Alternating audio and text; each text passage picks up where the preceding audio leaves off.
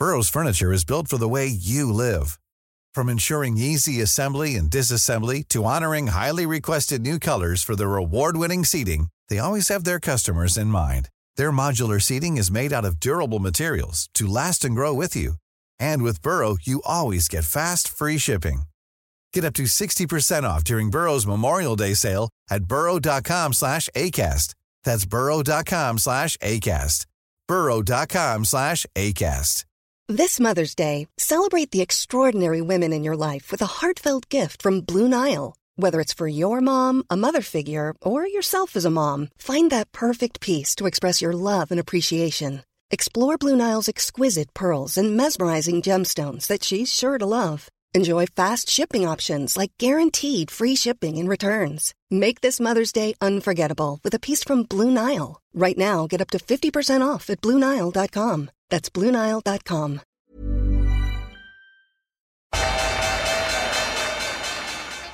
They mistook leverage for genius. Leverage for genius. I would recommend Japan. The governments don't rule the world. Goldman Sachs rules the world.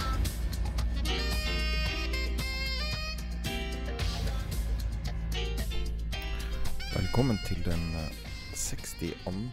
utgaven av podkasten 'Tid er penger', en podkast med Peter Warren. I dag har vi en litt spesiell episode. Eh, Peter er bortreist.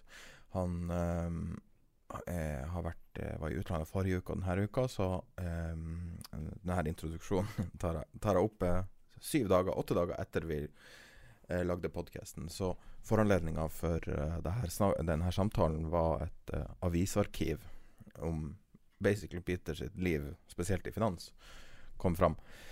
Så det ble en litt annerledes episode. Nå har det jo skjedd veldig mye i verden, men, uh, men det er noe mer av det samme. Så det passer ganske godt å se litt tilbake, fordi at det er mye å lære av å bare se på historien også, personlig i dette tilfellet. Uh, og vi har litt annerledes eh, presentasjon også i dag, fordi at vi um, eh, Vår partner i podkasten, som har vært med siden dag én, IG Markets, har eh, fått et nytt produkt. Så det nye produktet er det de kaller um, Turbo 24.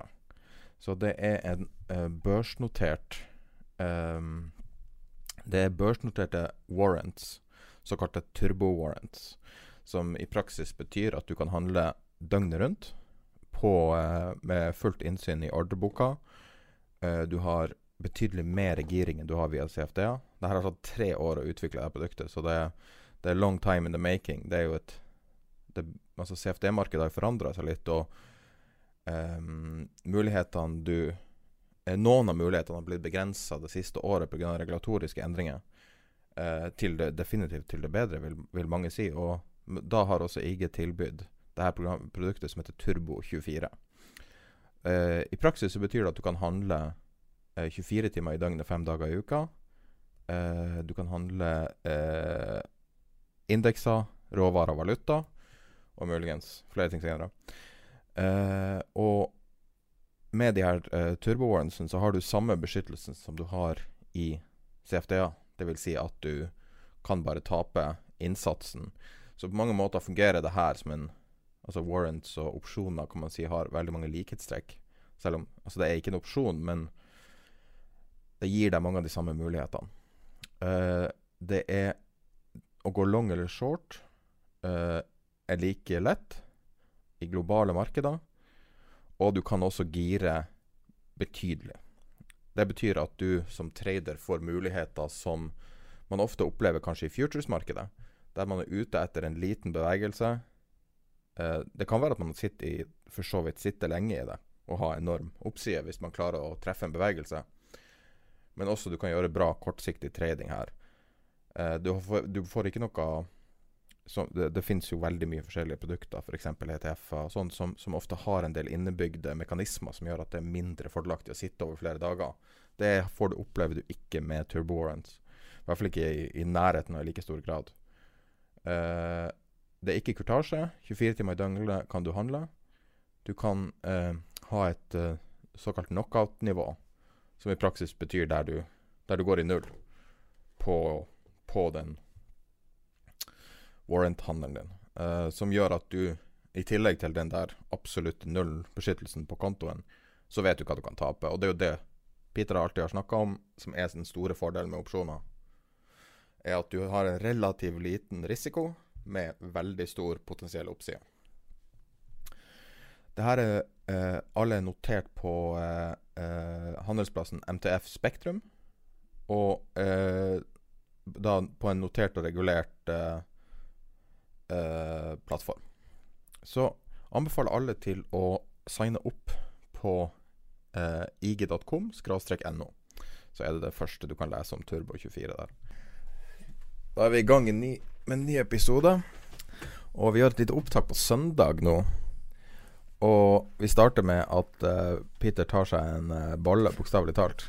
Jeg byr på sånne kremtopper, tror jeg det heter. Det heter ikke kremtopper. Jeg ser noe på eska. Det står jo der. Det er, se på eska. Ja, det er kokosboller eller et eller annet sånt. Men det var godt, da. Whatever. Siden du skal snakke nå ja. i en time eller to, så bare ta det. Du må ta det nå mens jeg skal si noe. Go ahead. Så i dag har vi, som du kanskje skjønner, en litt annerledes episode. Den her er tatt, tatt opp um, uh, syv-åtte dager før vi vanligvis bruker å ta opp. Sånn at den blir liggende litt på hylla fram til vi legger den ut. Uh, Peter uh, er ikke tilgjengelig neste mandag. Og så tenkte vi at vi skulle ta en litt annerledes episode siden vi kom over et arkiv som verken han eller jeg visste eksisterte. Uh, I forbindelse med si, det som var igjen etter når mora til Peter døde, så hadde hun da tatt vare på vanvittig mye aviser han hadde vært omtalt i. For Peter har alltid vært mye aviser. Ja, det Ja. Alt, alt er relativt.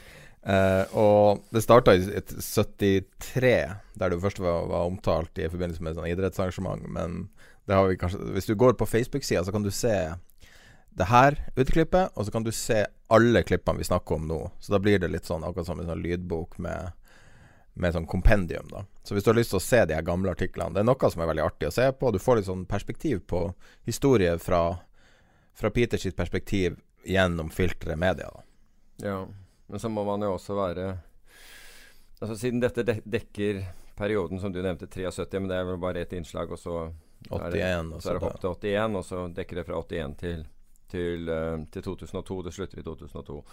Men uh, Uh, vi må i hvert fall huske at, at til, å, til, å, begynne med, så var det jo ikke slik at Altså Da ville jo de fleste i norsk finans Da var det jo sånn ingen skulle uttale seg. Det var ikke det at det var forbud mot å uttale seg, men ingen fra meglerhus uttalte seg fordi de var redd for at uh, de tok feil. Det er litt sånn som nå med TV-serien Exit. Nei, det tror ikke jeg noen er redde for at de, de tar feil. Si er det noen i finansen som har uttalt seg? Nei. Uh, det vet jeg ikke. Det vet jeg ikke om det er. Ja, nei, jo, nei, det var, var, det ikke en eller annen fra tekstilindustrien? Så, ja, tekstilindustrien. Som er, er, er, den som er blitt uh, alibi for at dette stemmer? En eller annen kar som blir, blir kalt finansmann, som viser seg å ha jobbet i tekstilindustrien, er den som Og så en som jobber som agent i uh, media. okay, Og vi skal ikke snakke om engelsk. Um, og i, så vi kan starte med en Så vi, vi har ingen plan om hvordan det her blir å gå. Derfor, uh, derfor uh, lar vi Peter bare sitte og spise bollen sin. Og så Og så, så, begynner vi med det, det eldste innslaget som handler om finans, da. Uh, som vi har lagt ut lite deler på Facebook, og, og, hele kan igjen se på Facebook. Du kan også gå i beskrivelsen på podkasten, og får du linker til alle de her Eller vi, vi linker til, til den delen av Facebook, og jeg linker også kanskje Dropbox eller noe sånt, der vi samler alle de her bildene. Hvis du har lyst til å se arkivet, da. Og den eldste er i 81, der man ser både avbilder av hvordan Oslo Børs så ut før, som var da det her Open Outcry-systemet. Og så eh, er det også da en veldig ung eh, børssekretær, Peter Warren, som eh, da mener at eh, Willoch Høyre kan eh, være positivt for Oslo Børs viser seg også å stemme godt, det. Um, det som Altså egentlig, når jeg ser det, det bildet i um, I dag så er det jo Erik Jarve um, uh, som, som, sitter på, til venstre på podiet for, for meglerne. Og Vidar Ulnerød, som da var uh, drev med kommunikasjon på Oslo Børs. Og Per Røste. Uh, som, uh, som er assisterende i uh, noteringsleder. Så Eh, det triste med Det er egentlig eh, triste med, det, med bildet um, er at det er uh, at Det er ikke trist at Vidar Ulnerød fortsatt er i livet, for han snakket jeg med forleden. Men, men Erik Jarve er, og Per Østheim er begge døde, så det jo Det var jo en tid, det også. og Da satt jo meglerne på, på benker eh, foran der, og det var, det var, det var to opprop på de viktigste aksjene, og så var, så var, det over for dagen. Men de kunne jo trengt at å gå tilbake til når man, når man ser sånn hvordan det er nå i dag. Morgenkveld. ja, altså, ja, du kunne hatt um, åpningen og, og, og, slutten på dagen. Ja, vel... Men Hva innebærer det å være en børssekretær i 1981? Altså Børssekretæren hadde for forskjellige oppgaver. Da, alt fra å kalkulere indekser og, og, eller å bistå i, i noteringen. Du kunne ha valutanoteringen, som var ganske høy, høytidelig, fordi den skjedde jo i et annet rom. Og da ble det ringt Da var det, da var det en betjent på børsen i uniform som ringte med klokke. Mm. Og du, du, du, gjentok da kursene som da fixing-kursene på norske kroner vis-à-vis en hel haug av, av utenlandske valutaer. Altså begynte med dollar og gikk nedover. Og det var da den kursen som ble lagt til grunn for alle vekslinger som ble gjort. Altså kommersielle vekslinger som ble gjort den mm. dagen. Mm. Så Du har jo snakka mye om hvordan det var eh, hvordan det var når du liksom gikk inn i denne rollen. At det var mye liksom tilfeldigheter, og at du på en måte ikke egentlig søkte mot det etter å ha jobba i London. Nei, jeg søkte ikke mot det i det hele tatt. Det var jo helt tilfeldig. Jeg hadde jo jeg var i Norge egentlig bare for å besøke en, en, ferie, for å besøke min mor. Og hun var jo da på ambassaden på dagtid. Og, og jeg, så jeg vandret ned på Oslo Børs og um, spurte om de hadde et bibliotek. Og det for, fortalte hun som var på sentralbordet at de hadde. Om jeg kunne få gå der, og det fikk jeg lov å gjøre. Og så prøvde jeg egentlig bare å sette meg inn i hva det var som foregikk, for jeg ante ikke hva som foregikk uh, i det norske markedet overhodet på det, det, tidspunktet. Og det var da, da så sjelden at, noen, at, noen ønsket tilgang dit, at uh, hun som satt på sentralbordet, ringte inn til uh, børskommissæren, som det het den gangen, ikke børsdirektør som det i dag heter, og sa at nå er det jaggu noen på på, i, i, biblioteket. Og så kom han inn og presenterte seg. Og altså, du kan tenke deg fra en fra London det var, altså, Hadde du vært i London, og sjefen for London-børsen kommer og, mm. og, og, vil hilse på deg, så hadde du liksom awestruck. Men Norge er jo litt annerledes. Og så snakket vi frem og tilbake. Han spurte hva jeg gjorde, og litt sånn forskjellig. Antakeligvis lurte vel på om det var en journalist eller noe sånt som interesserte seg for noe. Og så og så gikk han til sitt, og jeg fortsatte å være der. Og så, og så fortsatte jeg å gjøre det, for jeg hadde ikke noe annet å gjøre på dagtid enn å, enn å trene. Prøve å holde meg i form. Og, og, og, og gå ned der, og så Gå på biblioteket? Og så jeg, gikk jeg ned på biblioteket der. Men hva er det som, er det som var der? For du, du har for så vidt ja, det var alt, litt det var alt mulig. Det var alt mulig. Det var kurslister, det var, eh, det var uh, Historie? Ja, historien til børsen, historien til selskapene, selskapspresentasjonene deres, altså årsregnskap og, og, den type ting. Og, så jeg bare kikket gjennom for å prøve å liksom, hva er det som foregår her. Men Var det helt tilbake til liksom, første handlene i Norsk Hydro? Ja, det husker jeg ikke. Det husker Jeg ikke. Jeg prøvde egentlig bare å få en sånn current hva er det som foregår her. Og dette skjer i løpet av denne her uken, og hver dag så kommer Erik Jarvin, da. Hver dag kommer han inn, og så veksler han ord med meg og, og, og, spør hva jeg gjør, og jeg forklarer at jeg jobber i London hele greia. Og så på fredagen så sier han kunne du tenke deg å jobbe, jobbe, for meg. Og så sier jeg hva da? Ja, her på, på børsen. Var det i 81? Det var vel i 8, slutten av 80, tror jeg. Slutten av 80. Nei, nei 81. Stemmer. 81. Og så Og så det var, liksom kom veldig bardus på, så jeg må, må, tenke litt på det. Og så gjorde jeg det. og så Jeg var på, dro tilbake til London, og så tenkte jeg på det. Og så tenkte jeg at vel, kanskje dette, dette, er vel den eneste gang i livet mitt hvor, hvor, jeg, hvor jeg på en måte har tid og anledning til å se en børs fra innsiden, og forstå den liksom fra innsiden. Så hvorfor ikke? Nå visste jo ikke jeg at det var et så stort gap mellom f.eks. Oslo Børs og, og London-børsen på det tidspunktet, så det var jo på en måte en, en skremmende en skremmende overgang. Men det var jo interessant. Det var en interessant periode. Det var en veldig liten administrasjon. Og, og alle de problemstillingene som, som, da skjedde i aksjemarkedet, i forhold til notering og i forhold til, i forhold til alt som har med, med en børs å gjøre, den, det var du med på. For det, altså, administrasjonen var ikke større enn at, at du ble dratt inn i alt. Mm. Så det var, var, det var, et interessant år, for å si på den måten. jo altså Måten det formatet vi legger oss på nå, er at vi har masse, masse utklipp. Og så har vi ingen plan om hvordan vi skal hoppe gjennom det, så jeg tar det liksom fra husken. Men det var eh, noen år etterpå så havna du i Fucked og Fukt. Ja, altså det var ett år etterpå så gjorde jeg det. For, Ja. for Dag Fugt var jo den første som drev med noen form for teknisk analyse i, i Norge, eller i Oslo. Og Dag Fugt hadde drevet med forsikring, solgt et forsikringsselskap, og hadde da kontorer i bygningen. Og ville, det lå nederst i, eh, i Karl Johan. Og da drev et rådgivningsselskap eh, hvor kundene var noen av de største pensjonsfondene i Norge. Og betalte mye for å snakke med dere, tydeligvis. Ja, de betalte en, en, en årlig De betalte et årlig honorar for å ha adgang til oss. Og vi hadde jeg, at, jeg mener at det var månedlige møter. Kan være at det var litt oftere Jeg kan fortelle deg nøyaktig hva som skjedde. Ja, ok. I artikkelen står det Det koster 60 000 kroner å ringe denne mannen, noe som er helt fantastisk fin år. Ja. og med bilder av deg, da, en, en yngre versjon av det.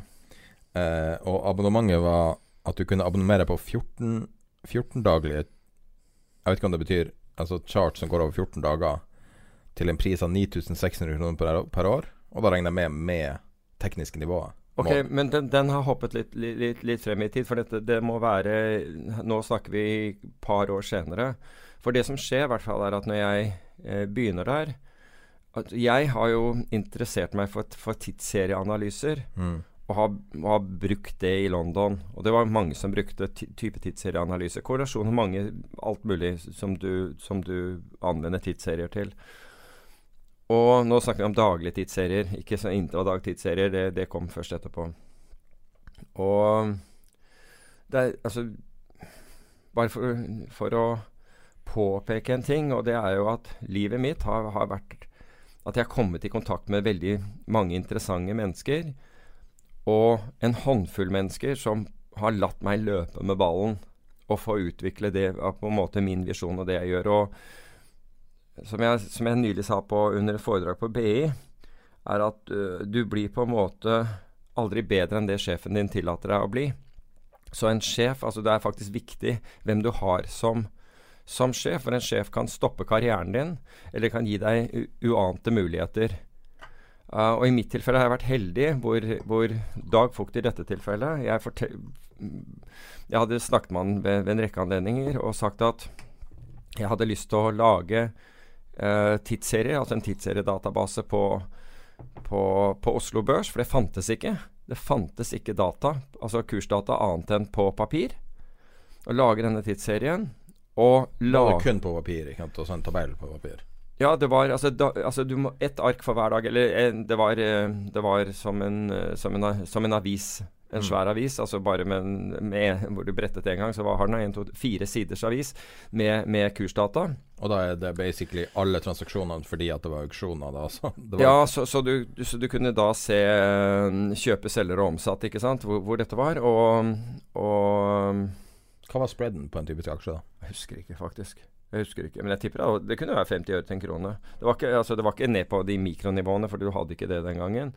Men um, med 50 øre tipper jeg. Jeg kan ikke huske at det var kartinger. Men, det, men i hvert fall så Det som skjer videre, er at uh, at jeg sier og, jeg, og jeg ønsker da å lage et analysesystem for det, hvor vi har mange ting, inkludert Fourier-analyser og altså statistiske må måter å, å, å kunne vurdere ting på. Og Dag Fugt gir meg da både pengene, altså um, budsjettet til, til å gjøre dette, og, og, og tiden.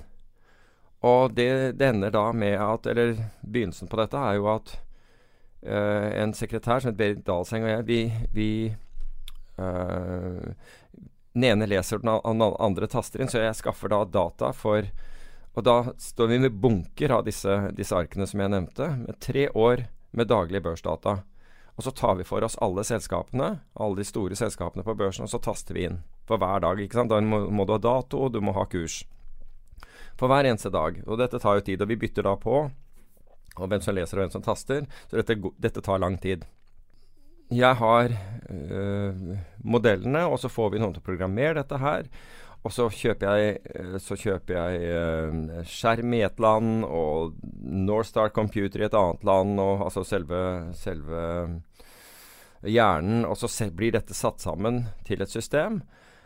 Og ut av det så produserer vi Norges første chartbok. Første grafiske oversikt over kurser på aksjer på Oslo Børs. Um, som da heter The Oslo Stock Market, og som du refererte til var til salgs for var det 9600 kroner i året, og den kom hver 14. dag. Og så telefontjeneste for 60 000 i året. Ja, den, den, hadde ikke noe med den å gjøre, så du kunne bare, hvis du ønsket det, så På hver Hvordan var det? Jeg tror det var på torsdager etter at børsen hadde stengt, så begynte jeg å skrive ut Altså, det ble skrevet ut med printer. Dette var før du kunne ta og sende en fil til noen andre ikke sant? Dette på printer, slik at det da gikk Og i løpet av Og dette var på floppydisk. Så måtte jeg komme inn på jobb uh, Jeg tror det var i titiden om kvelden. Bytte floppydisken. Og så kom jeg tilbake igjen etter midnatt og hentet utskriften. Kjørte den da opp til et trykkeri som lå i Pilestredet. Låste meg inn der, for jeg hadde nøkkel til dette her, og la den fra meg på på skrivebordet deres, og så var den Så ble det kjørt, slik at folk hadde chartboken på mandag morgen mm. i posten. Sånn var det dette. dette og, og, dette gjorde vi hver, hver 14. dag. Men det som overrasker meg Vi har, vi har jo for dekka noe av det her i den aller første episoden vi gjorde, der vi snakka om historie. Mm. Men det som overraska meg, var kanskje det at du kom med aksjetips. Var, hadde du konsesjon til det? sånne ting da, eller var ikke det? Det var ikke noen konsesjon til det der i det hele tatt. For nå per dags dato, sånn at hvis du du vil høre at på f.eks. i podkasten her eller fra en rekke meglerhus, så har du ikke nødvendigvis lov å komme med et aksjetips. Det er en Nei, relativt strengt regulert. Jeg, jeg tror, ja, jeg tror det. Altså Hvis noen kommer et og annet Du, altså, kan, du kan jo si at jeg liker noe, men du kan aldri anbefale noen å kjøpe det. Ja, ja, eller Slik oppfatter jeg det. Men hvorvidt du kunne sagt i, ved et, et tilfelle at liksom jeg går for dette, det vet jeg ikke. Men, uh, men i hvert fall hvis du systematisk gjør det. Men det var, den, det var jobben da? Det var jobben da. Altså. Så vi var et rent analyseselskap. Vi var ikke meglere. Vi var den uavhengige på en måte rådgiveren til noen av landets største uh, pensjonskasser. Det, de med sete i Oslo, sete i Bergen, kom folk fra Trondheim. Og så tror jeg det var tre private investorer, altså velstående private investorer. Som kunder? Ja. Og det var nok til å gjøre Uh, oh, det var Kredittkassen. Det her var etter Kredittkassen. Nei, det her artikkelen er etter Kredittkassen. Okay, nei, så, så det, som, det, som, skjer med dette, er jo at selskapet Altså, jeg tror at selskapet så vidt gikk med overskudd uh, ut, uh, da jeg ble ansatt. Altså det første året så vidt gikk med overskudd. Dag tok ikke ut lønn, så vidt jeg husker. Og så til at vi tjente flere millioner kroner når, når denne Oslo Stock Market Når jeg fikk den der opp, opp og gå i, i, i, gang. Så plutselig var det Og rett etter det så kommer da Kredittkassen og kjøper oss. Mm. Altså det som i dag er Nordea. Men du drev basically en newsletter-business? Ja, bortsett fra at vi ikke sendte ut noen newsletter. Ja. Men den chartboken sendte ut, den hadde, den hadde noen indikatorer for uh, relative strength. Den målte målte hver aksje i forhold til Oslo Børs, så du kunne se om den var sterkere eller svakere enn Oslo Børs. Og så tror jeg den hadde en momentumindikator som jeg hadde lagt på toppen. Alt det her som man tar for gitt i gratissystemet i dag, altså RSI og alt mulig? Ja, ja. Men noen har måttet, altså, noen har måttet gjøre grunnarbeidet her. Og ja, vi var jo så på han John Bollinger. Noen må jo finne på den der. Ja, Oslo Børs ble jo da sure for, for at ikke de hadde kommet med dataene først. Ikke sant? Altså, men det Oslo Børs kunne gjort det. Og så ble OBI startet noen år etterpå. For, for at no, Oslo, hvis noen skulle selge børsdata, så var det dem. Ja.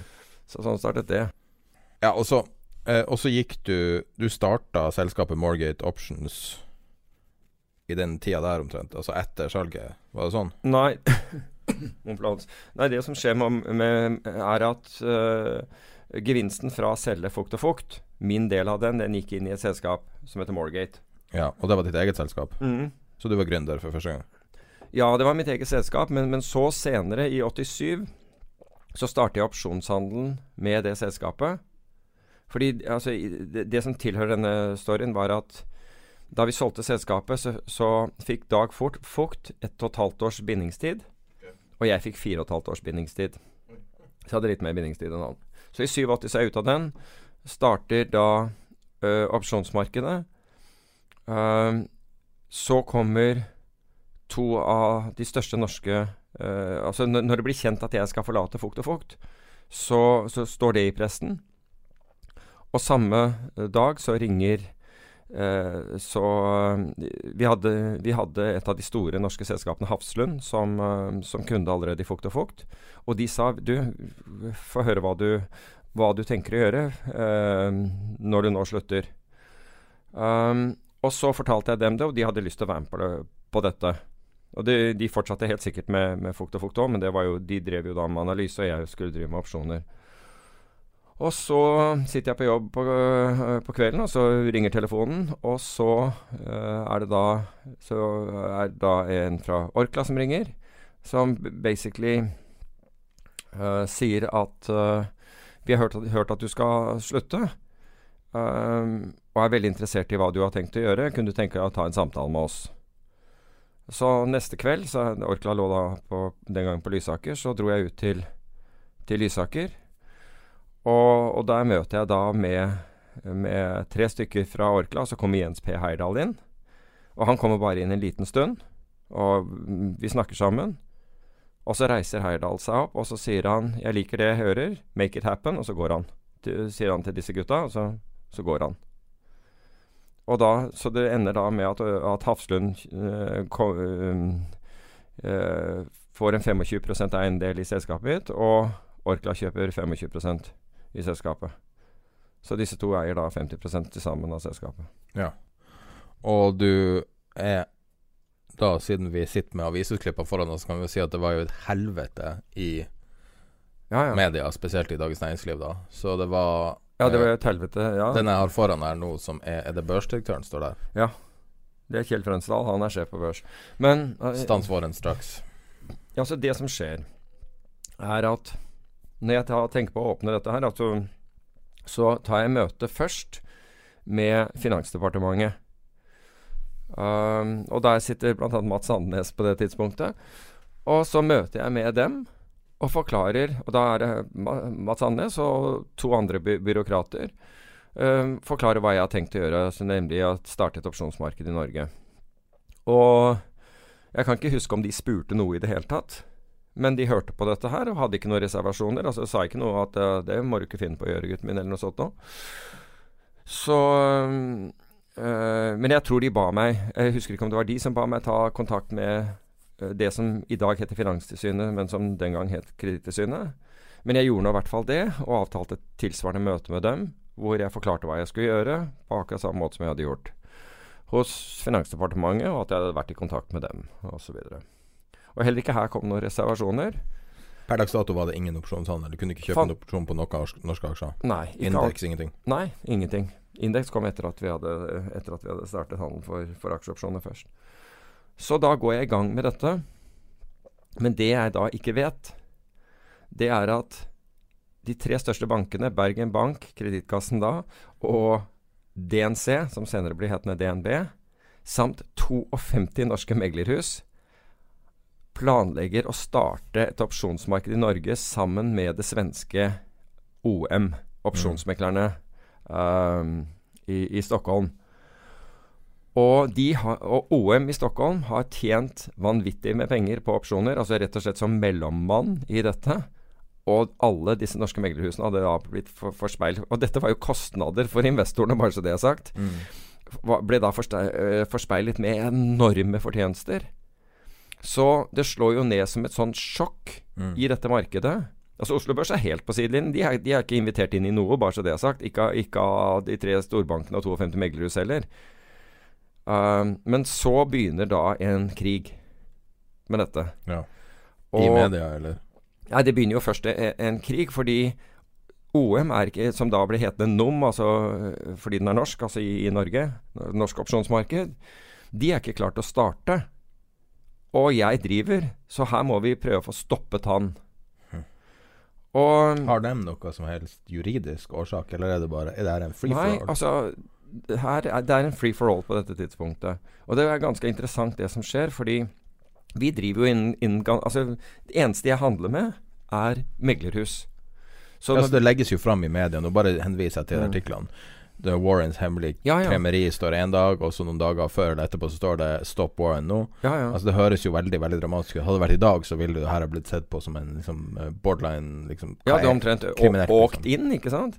Men det som skjer da, er jo at, uh, er at Altså, jeg handler jo kun med meglere, altså med meglerhus. Vi Mm. vil kun ha meglere som motpart til handelen. Ikke sant? For vi, vi ønsker ikke å ha sluttkundene. Vi prøver ikke å ta fra meglerne investorene. Vi bare fasiliterer at det finnes opsjoner, og stiller kjøper- og selgerkurs på dem.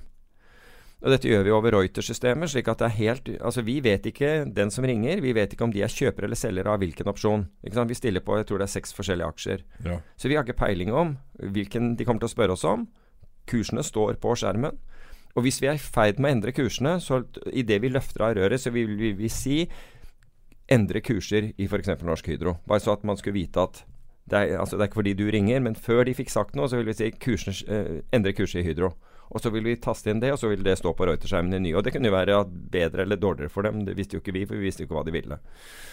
Så det var liksom bakgrunnen. Dette er før du hadde uh, caller ID, så du kunne ikke se hvilket meglerhus som ringte eller noe sånt. Skjønner du? Så du kunne ikke på forhånd tenke deg at å, det er han, han er kjøper, så jeg flytter opp. Du hadde jo ikke det på dette tidspunktet. Så vi driver på den måten, og så sitter jeg på jobb en kveld. Og så ringer, eh, så ringer det en, eh, en, en megler opp til meg. Så sier han Har du hørt eh, hva som skjer i morgen tidlig? Og så sier jeg nei. Altså, de, de kommer til å stoppe deg i morgen tidlig. Finansdepartementet kommer til å stoppe deg i morgen tidlig. Hvorfor det? Nei, hvordan vet du det? Jo, fordi jeg, jeg er på meglernes julebord, og der har akkurat en fra Finansdepartementet holdt foredrag nå og fortalt at du, blir stoppet i morgen. Så jeg hadde jo orientert alle om dette på forhånd, og alle, ikke hørt noe, noe, noe mot det, imot det. Så jeg ringer da til eh, Bjørn Skogstad Aamodt, som er da sjef for Finanstilsynet, hjemme. Og han tar telefonen. Jeg hadde truffet han ved, ved et par anledninger. Og jeg sier da er dette riktig? Og han sier nei, det er ikke riktig i det hele tatt. Dette er overhodet ikke riktig. Og dagen etter bom, der står det. Og da har faktisk denne byråkraten altså ikke sjekket av med noen.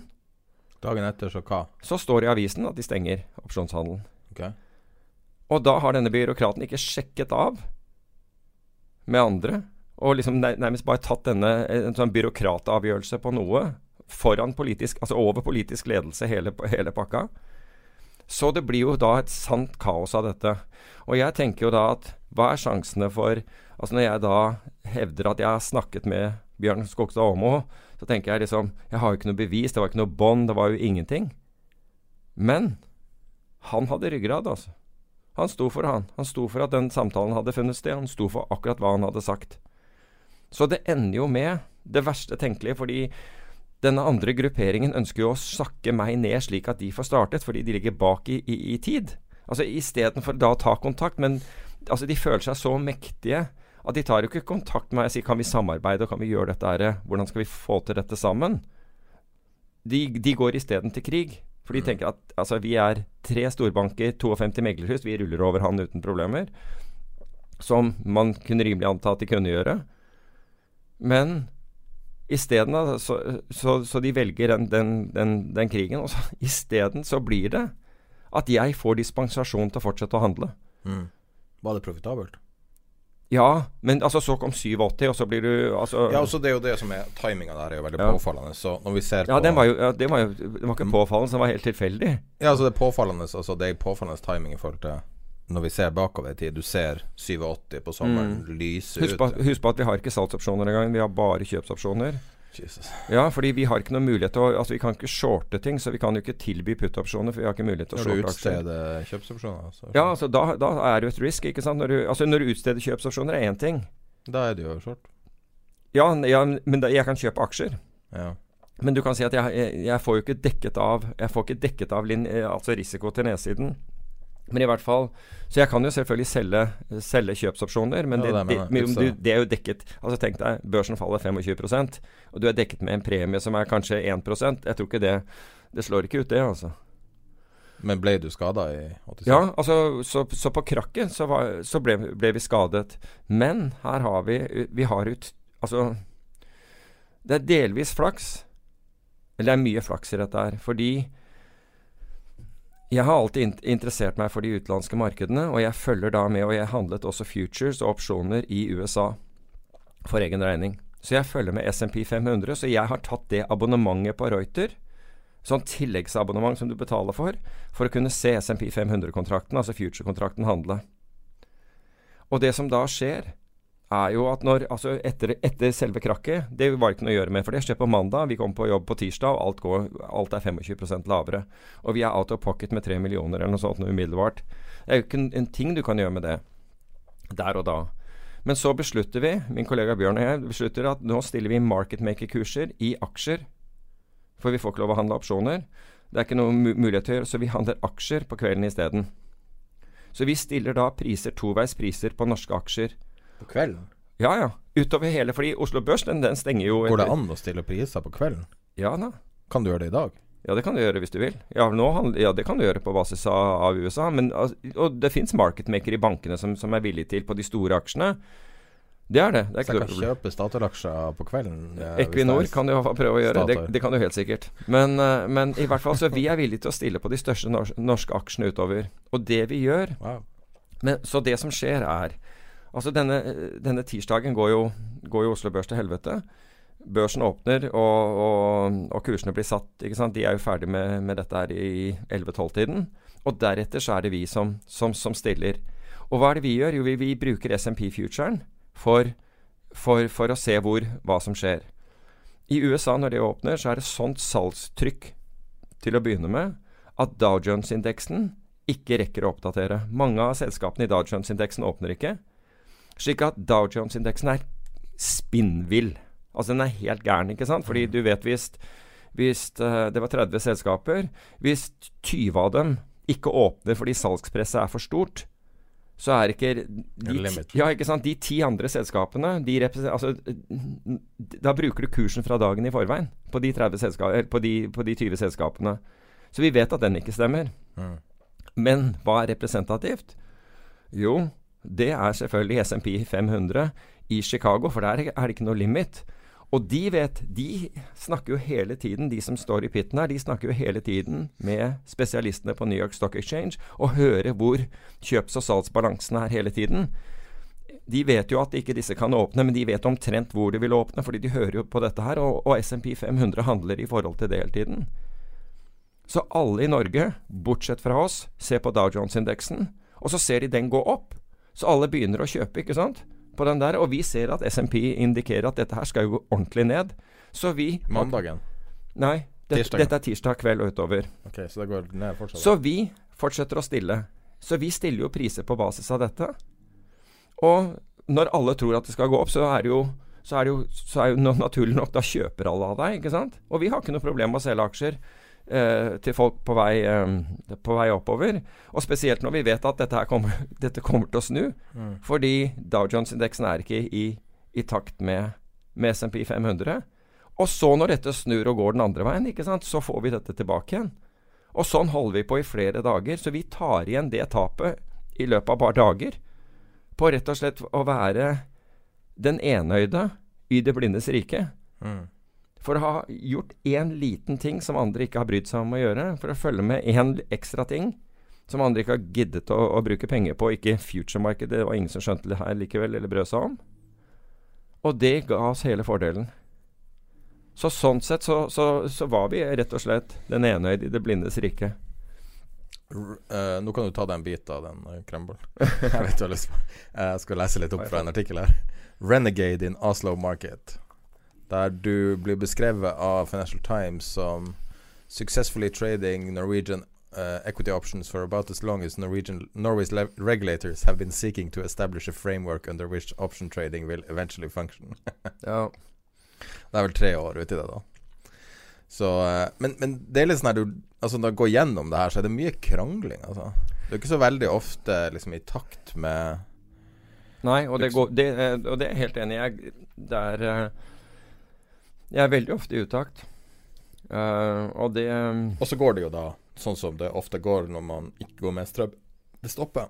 Og, og, det er jo omtrent halvparten av omtalen handler om når markedet enten stoppes, du slutter å stille priser på Ja, men det, det er to forskjellige ting. ah, Sorry, det, når det, markedet stopper. Ja. Ja, for det første som skjer, det er jo at øh, at disse andre, disse, altså de, som, de tre storbankene og 52 meglerhus, de, de driver og anker og vil jo gjerne komme i gang. fordi nå har de jo de, de finner ut at de har skutt seg selv i foten med, med fremgangsmåten. Og de gjør alt de kan for å stoppe meg. Og så krever de at var det? Dette er, eh, dette, dette er 87 fram til 90. Det går i liksom den perioden Ja, for 90 kom du og gjorde comeback igjen. Ja, men det, det, det eneste comebacket comeback i 90 er, er jo at det går på børs. Ok. At opsjoner går på børs. Men så, så, så alle er redde for liksom at uh, når de kommer i gang, så er, jeg, så er markedet under meg blitt så stort at de, ikke kom, at de ikke får tilgang. Altså det er alt mulig brukes. Det er vanvittig hva, det, hva, hva som kjøres på her. Um, og i mellomtiden så kommer Veritas på banen. Og jeg drar med Veritas-folk til um, Tar med de til USA og presenterer de for uh, Chicago Board of Options Exchange og for clearinghuset, altså Option Clearing Corporation, og for folk på New York-børsen og folk på American Stock Exchange, slik at de får kontaktene.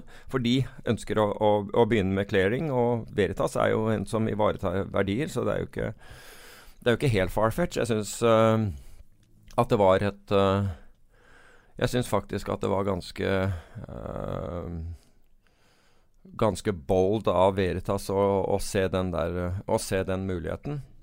Så dette skjer samtidig. Men det er, men det er som du sier, det er, det er fryktelig mye eh, krangling i Oslo. Og, og dette norske Opsjonsmeglerne de taper jo penger, for de har jo bygget opp en De har jo et antall, et antall ansatte. øh, og dyre lokaler og hele greia. Og de har liksom bare kjørt opp og vært helt sikre på at, uh, at hvis vi bare sprøyter nok penger i og vi er store banker, så får vi, får vi tillatelse. Men, men det går ikke gjennom så fort, så de finner ut ok, da må vi i hvert fall stoppe han. Så da kommer uh, Finanstilsynet, eller Kredittilsynet, ut med at at det, at handelen skal begrenses og ikke bli større enn hva den var. Mm. Ok, uh, før, uh, Og da setter de en begrensning som jeg ikke husker uh, hvor mange kontrakter er i dag, men kanskje det var 2000 kontrakter eller noe sånt noe. Som vi da får beskjed om. Og da, det er greit, så, så vi forholder oss til det. Og så kommer de og sier Altså, så kommer de Jeg vet ikke om det er noen måneder senere og hevder at, at vi handler langt over det, så vi har brutt med vilkårene. Og det viser seg da at de regner på Og her blir liksom myndighetene gang på gang tatt med buksene nede og gjøre sløve ting. fordi det de har gjort, det, de har oppsummert antall kjøp. Altså, altså når du kjøper en opsjon og selger den, den opsjonen det, altså du kjøper opsjonen, altså Vi står jo imellom som, som marketmaker, ikke sant? Så får de det til å bli to, to, to kontrakter. Altså okay, Det er samme kontrakten du kjøper og selger, ikke sant? Altså det er jo når jeg kjøper den, sant, så er det jo noen som selger den. Det betyr ikke at det er to kontrakter som selges. Det er den samme kontrakten. Det var litt sånn som uh, hy hybridbiler i starten Ja, var regulert sånn at du hadde to motorer og var dobbelt så mye avgifter. Ja, og det var liksom, det var liksom sånn helt håpløst en periode. Relativt firkantig er vel det det Ja, relativt Jo, men det er jo, altså, det er jo matematisk feil. Og så husker jeg ved en, annen- ved, en- annen anledning så, så, så, så, så la- lager de midlertidige forskrifter som kun gjelder oss, tenkte jeg det. ja. Finansdepartementet lager midlertidige forskrifter for mortgage option. La meg gjette hvorfor, hvorfor det. For at uh, Det er liksom det kommer tilbake til ting igjen og igjen. Og det er at du driver og uttaler deg utrolig frisk. Så la meg lese opp et par uttalelser. Sånn for vi har, jo, vi har jo gått gjennom historien før, så det er litt artig å se det gjennom Ja. kanskje et annet spekter enn dine øyne. Så her er et par sitater, da. Jeg har aldri hørt om det er Solum, men Solum i meglerkontrollen kunne ikke engang arrangere en fyllefest i et byggeri. Ja. Det sa du når du jobba i Fokt og Fokt om en kar. Ja, og Meglerkontrollen, det er jo da Finanstilsynet. Ja. Så, Så det var én om Finanstilsynet, og så skal vi se her eh, Det var et Der har du Du krangler med Finanstilsynet i 87, veldig offentlig. Eh, Jo, men det er jo de som går ut. Jeg forsvarer meg. og så har du den her som, som du sjøl husker som en En veldig stor uh, veldig, altså Det var en av de tingene som når, når du sa at det her arkivet eksisterte, så var den første tingen du huska av medieoppslag fra gammelt av. Ja, det var når jeg så gjennom det. Ja. Mm. Uh, det det sto ut, var tidligere finansminister Gudmund Restad. Ja, han var finansminister da, da. Ja, altså Ja. tidligere fra nå. Mm. Og det du har skrevet, var en geografisk avstand fra Restad til mikrofonen på 35 cm eller mindre tilsvarer et fall i aksjemarkedet på rundt 2% en svekkelse av kronen i underkant av 1 og en, og en renteoppgang på rundt 15 rentepunkter, skrev Finansbanken i sin morgenrapport, og det er da du som har skrevet det. Ja. Og det er selvfølgelig litt ironisk ment, sier sjefsmegler Peter Warren i Finansbanken.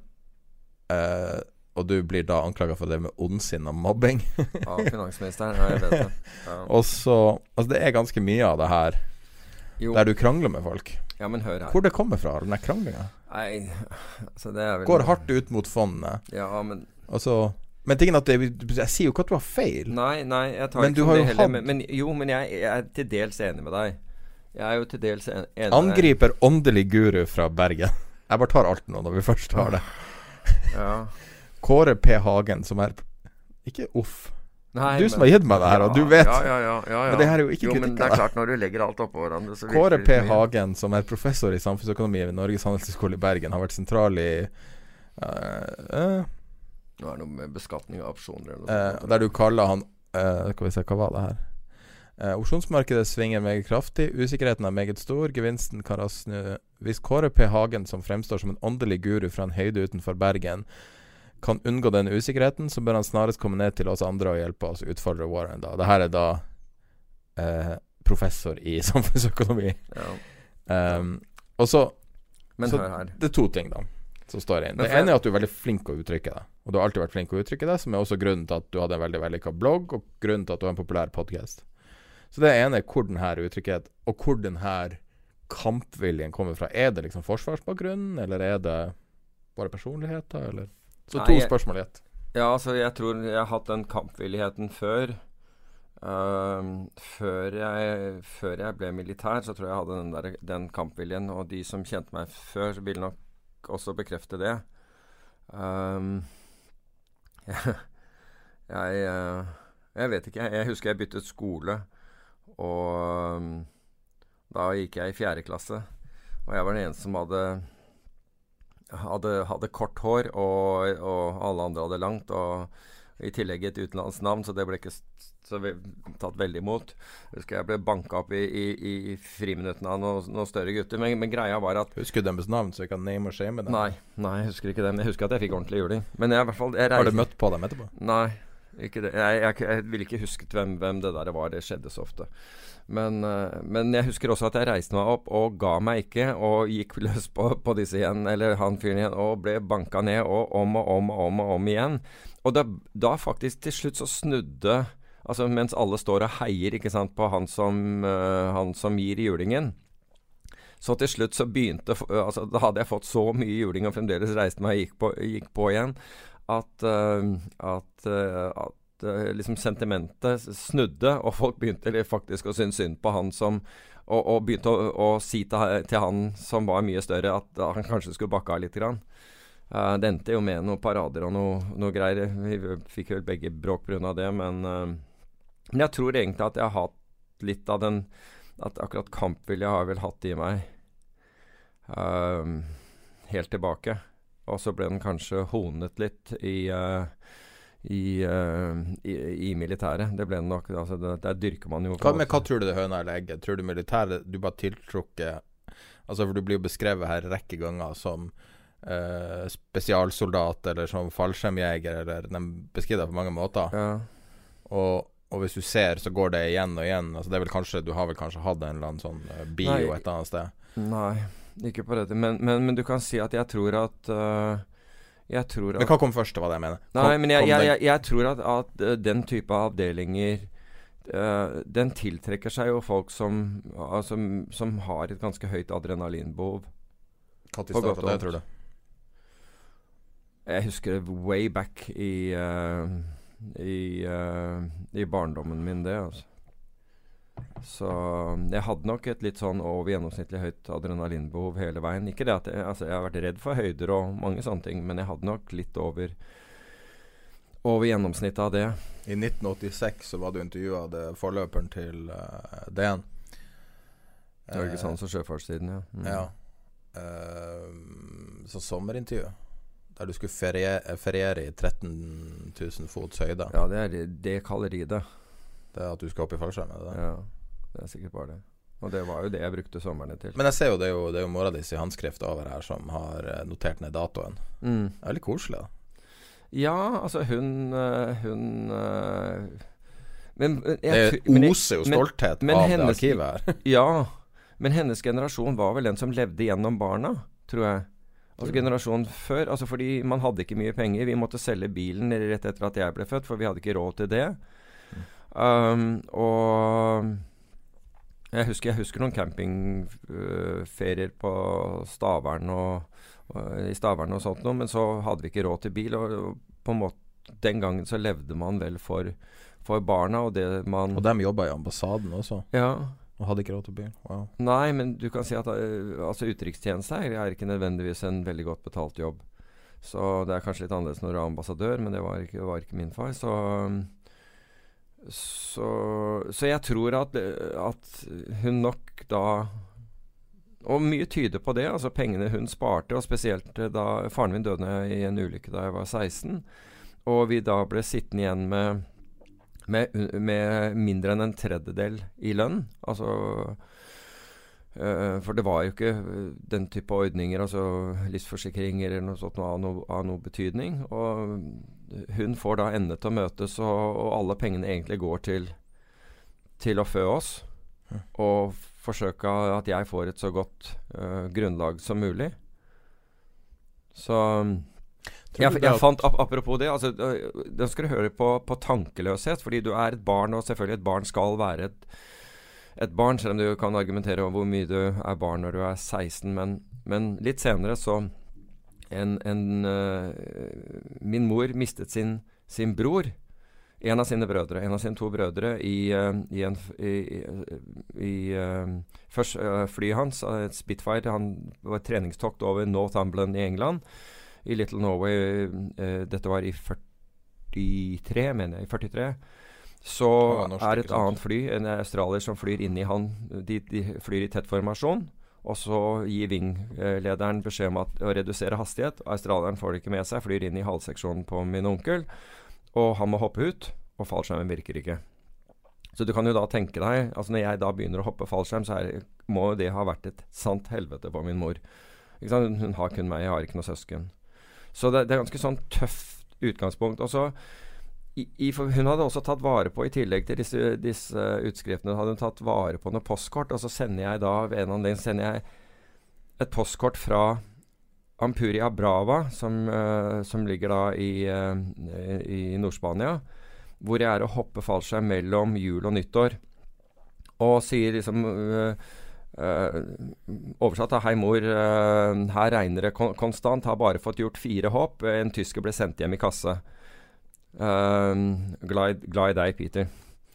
Um, Hvorfor skrev du det? Helt seriøst. Det er... fordi han, for fyren ble sendt hjem i kasse. Ja, men who cares? Hvorfor, Nei, men altså det? det var det ja, det, Jeg skjønner jo at du er, jo, jo, det er jo selvkritikk du er grunnen til at du forteller det. Ja, altså Selvkritikken ligger i liksom noe så u, Altså, her er hun bekymret Altså, jeg tenkte ikke på at hun Altså hennes bekymring At hun sikkert var bekymret for at jeg var der nede og holdt på med dette her øh, fortsatt. Eller det var jo en Fortsatt, jeg var jo midt i måte den karrieren. Eller, eller hoppkarrieren. Og um, og når jeg, når jeg, leste det, tenkte jeg er, altså, Hva tenkte jeg på når jeg skrev det?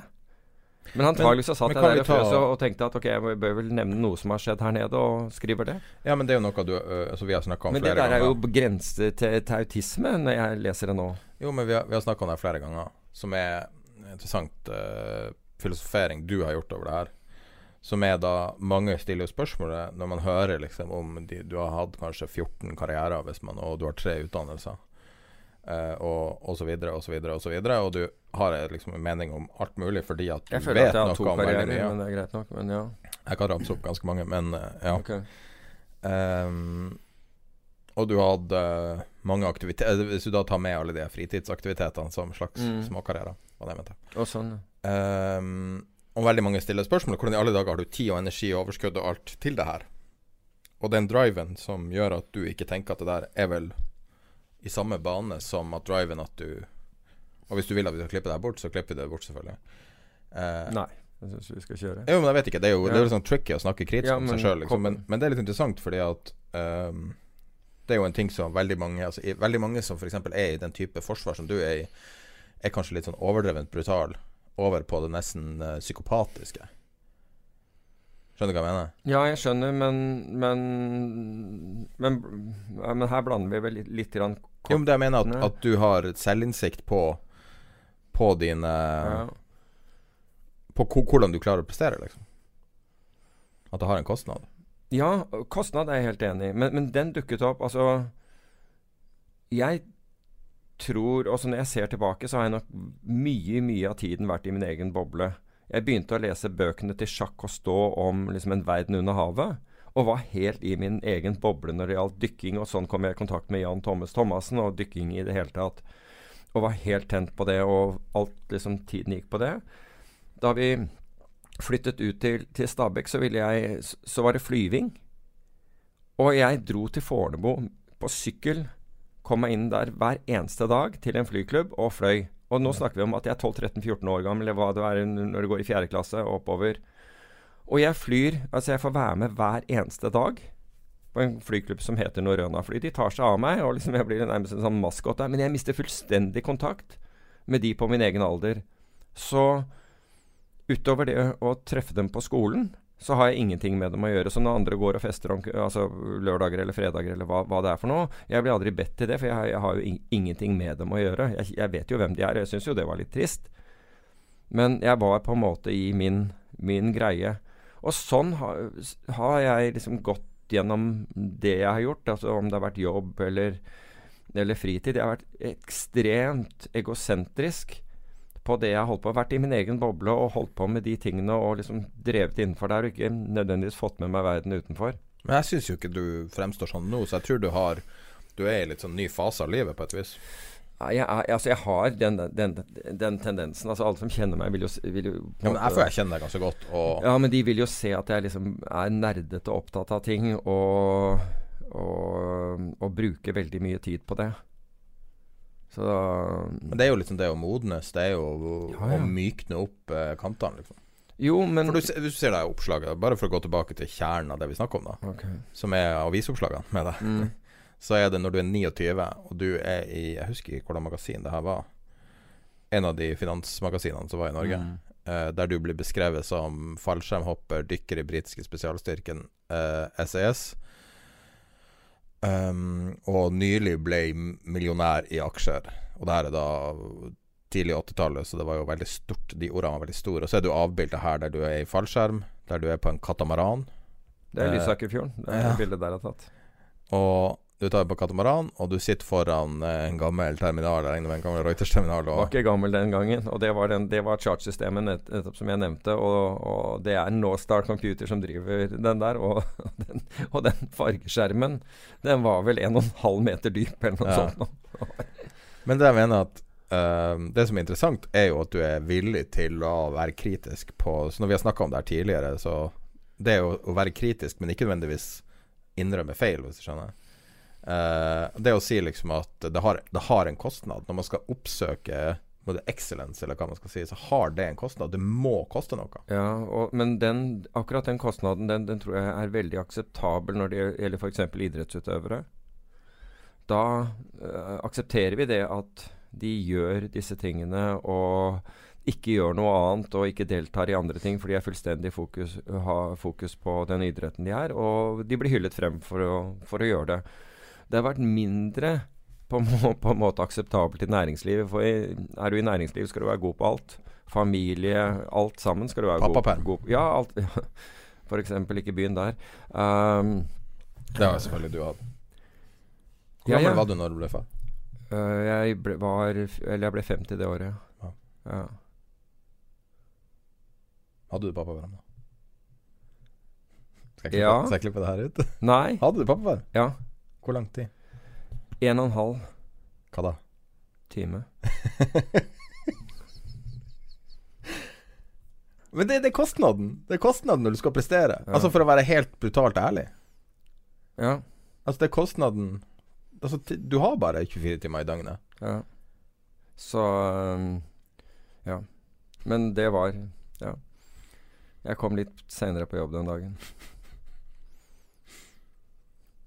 Det, det morsomme var at, uh, at min kollega Øyvind Tvilde tekstet meg den morgenen. Shouta til Øyvind Tvilde på Facebook-gruppa, altså. Ja, men Øyvind uh, Tvilde og spurte om jeg kunne om jeg, om jeg rakk et møte klokken Jeg tror det var ni eller ti. Husker ikke hva det var. Og så svarte jeg tilbake Jeg rekker ikke det, fikk en datter i natt. Jeg kan være der halv elleve eller noe sånt nå. Og så ser han på den, og så, tenk, og så prøver han å skrive 'datter', for han tenker jo at dette må jo være et synonym for et eller annet annet. At det er sånn finanssleng? Ja, ikke, nei, at liksom sånn fordi, og, og, så kom det opp liksom, ja, hva, Nei, hva mente han? Og så, så kommer det opp alternativ 'fatter', men det stemte ikke. Så jeg får en, jeg får en tekstmelding tilbake som, si, som sier uh, 'Du skrev 'datter', uh, hvorpå jeg sier 'ja'. Og det neste som kommer, er store bokstaver. Kødder du? Når jeg sier og, Din nærmeste medarbeider, ikke sant? ja. Det var ingen rundt meg som visste om dette. Så um, Nei, altså Det var uh, Nei, altså Familien visste jeg heller ikke. For det, altså, nei, ja, absolutt veldig nærmeste måtte jo vite. Men uh, jeg hadde en tante som jeg ringte den dagen, for jeg tenkte at hun, hun døde bare for et par år siden, dessverre. Og tenkte jeg hun skulle være den første som fikk vite det. Og så ringte jeg opp til henne og så spurte jeg hvordan hun hadde Hun bor på, på, Vestlandet. Og hun hadde det bra og alt mulig sånn. Så spurte hun hvordan hun var med meg. Så sa jeg ja, veldig bra. Og fikk en, en datter i natt. Så ble det helt stille på den andre, i, i den andre enden. Og så sant. Og så etter mye om og men, så, så sier hun hva, hva, var det du sa? Og så sa jeg nei, vi fikk en, uh, vi fikk en datter i natt. På nytt blir det helt stille i, i, i den andre enden. Og så kommer det sånn sped stemme som sier For hun tror nå at det er noen andre på linje her, og, her også, så hører du 'hallo'. så og det verste var at når hun da gikk og fortalte dette her, så var det ingen som ville tro på henne heller. Så Men, det, men, det er jo greit. Hvorfor skal man forhåndsannonsere rart? Nei, det var, ikke, det var ikke det. Men, men, men uh, ja. Er det å være privat, liksom? Ja, det er nok det. Mye av det, ja. Men du, men du, er ganske Nå høres jeg litt sånn uh, Freyr Skavlan ut i tonefallet, føler jeg. For jeg har så mye data å gå på her med alle de aviseklippene. Uh, du, liksom, du, er jo på Twitter og har, bruker ikke så veldig aktivt, men har vært konsekvent, har brukt det i lang tid, og litt sånn vitser her og der, og kommentarer og sånn. Uh, men du har skrevet veldig mye. Altså, jeg, jeg, bruker det hvis, det noe, hvis, jeg har noe å si. Ja, Og det er ikke så veldig ofte du har noe å si der? Som, som Nei, altså det må være at jeg har, har, føler at jeg har noe å si. Men når du jobba i Finansbanken, så du hadde jo det her eh, Morgate, som blir kjøpt av Finansbanken, var det sånn? Ja, Morgate Options blir da kjøpt av Finansbanken. Og, ja. jeg, og jeg, har da mot at jeg um, binder meg for tre år. Og da skriver du morgenrapporter? Ja, altså, det, ja, det begynner jo altså det, det, skjer etter en stund. Altså for, for, det første var jo Jeg skulle egentlig gjøre derivatene der. Uh, kun. Altså det var jo fordi Altså Finansbanken var, var uh, selskapets bank. Så Finansbanken Hvilket så, selskap? Uh, Morgate ja. sin bank. Så de så på en måte inntektsstrømmen. Oh, ja. oh, er sånn du ble kjent, ja? Ja, og de, de, ikke sant, jeg hadde jo møte med dem sånn et par ganger i år, og, som man har med, med sin bank. Og så kom de da med dette tilbudet. Og så Hvordan ble du prisa, da? Ble du prisa? Altså, hvorfor, hvorfor selger du noe som jeg regner med gikk med overskudd? Nei, altså det som skjer er ikke det fint å være egen sjef? Nei, men det som skjer er at jeg, at jeg ble invitert på lunsj, og det, som jeg sa, det skjedde kanskje et par ganger i året. Så jeg, så jeg kom på den lunsjen. Og så, og så, sier, så, er det frem og tilbake Altså vi, vi, snakker om hvordan det går og alt mulig sånn, og så sier han at de, at de vurderte å kjøpe Uh, lurte på å kjøpe selskapet. Og så sier jeg da at jeg, du, jeg har akkurat kjøpt selskapet tilbake da bare for noen måneder før det fra de eksterne, ek, eksterne aksjonærene. De som vi nevnte tidligere, eller ja. du nevnte tidligere, Hafslund og Ja, ek, eksterne aksjonærene. Så jeg hadde jo på en måte ikke noen planer om å, om å selge eh, selskapet. Um, for da hadde jeg jo liksom Nå var hele greia eh, mitt. Så jeg hadde ikke noen planer å, å, om det. Så det var liksom så, så jeg på en måte indikerte at jeg var ikke i det moduset. Men da skjøv han bare et, et, ark over, over, uh, over, bordet. Og så sa han Men altså, dette Vi kunne tenke oss å gi dette. Uh, og jeg så ned på den, og så på han, og så ned på den, og så sa jeg 'yours'. Og så sa han Seriøst, du Ja. bestemte deg så fort? Og, så Og du hadde ingen indikasjon om at du ville selge? Det var ikke Nei. et triks? Nei. Og så sa han 'ikke så fort'. Ikke så fort, sa han, fordi øh, øh, du, altså, du vil da få, ha en, en mer Altså, en, du er grense for, øh, for lønn. Altså vil være begrenset til Jeg husker ikke hva han sa. Og jeg liksom så ned på der og opp igjen og sa 'still yours'. Og sånn ble det. Og så lock, lock up i tre år? Lock up i tre år. Jeg ble der i seks. Så, Og um. men Finansbanken er, er jo det stedet hvor jeg på nytt får anledning til å løpe med ballen, sånn som Dag Fugt hadde gitt meg i, i Fugt og Fugt.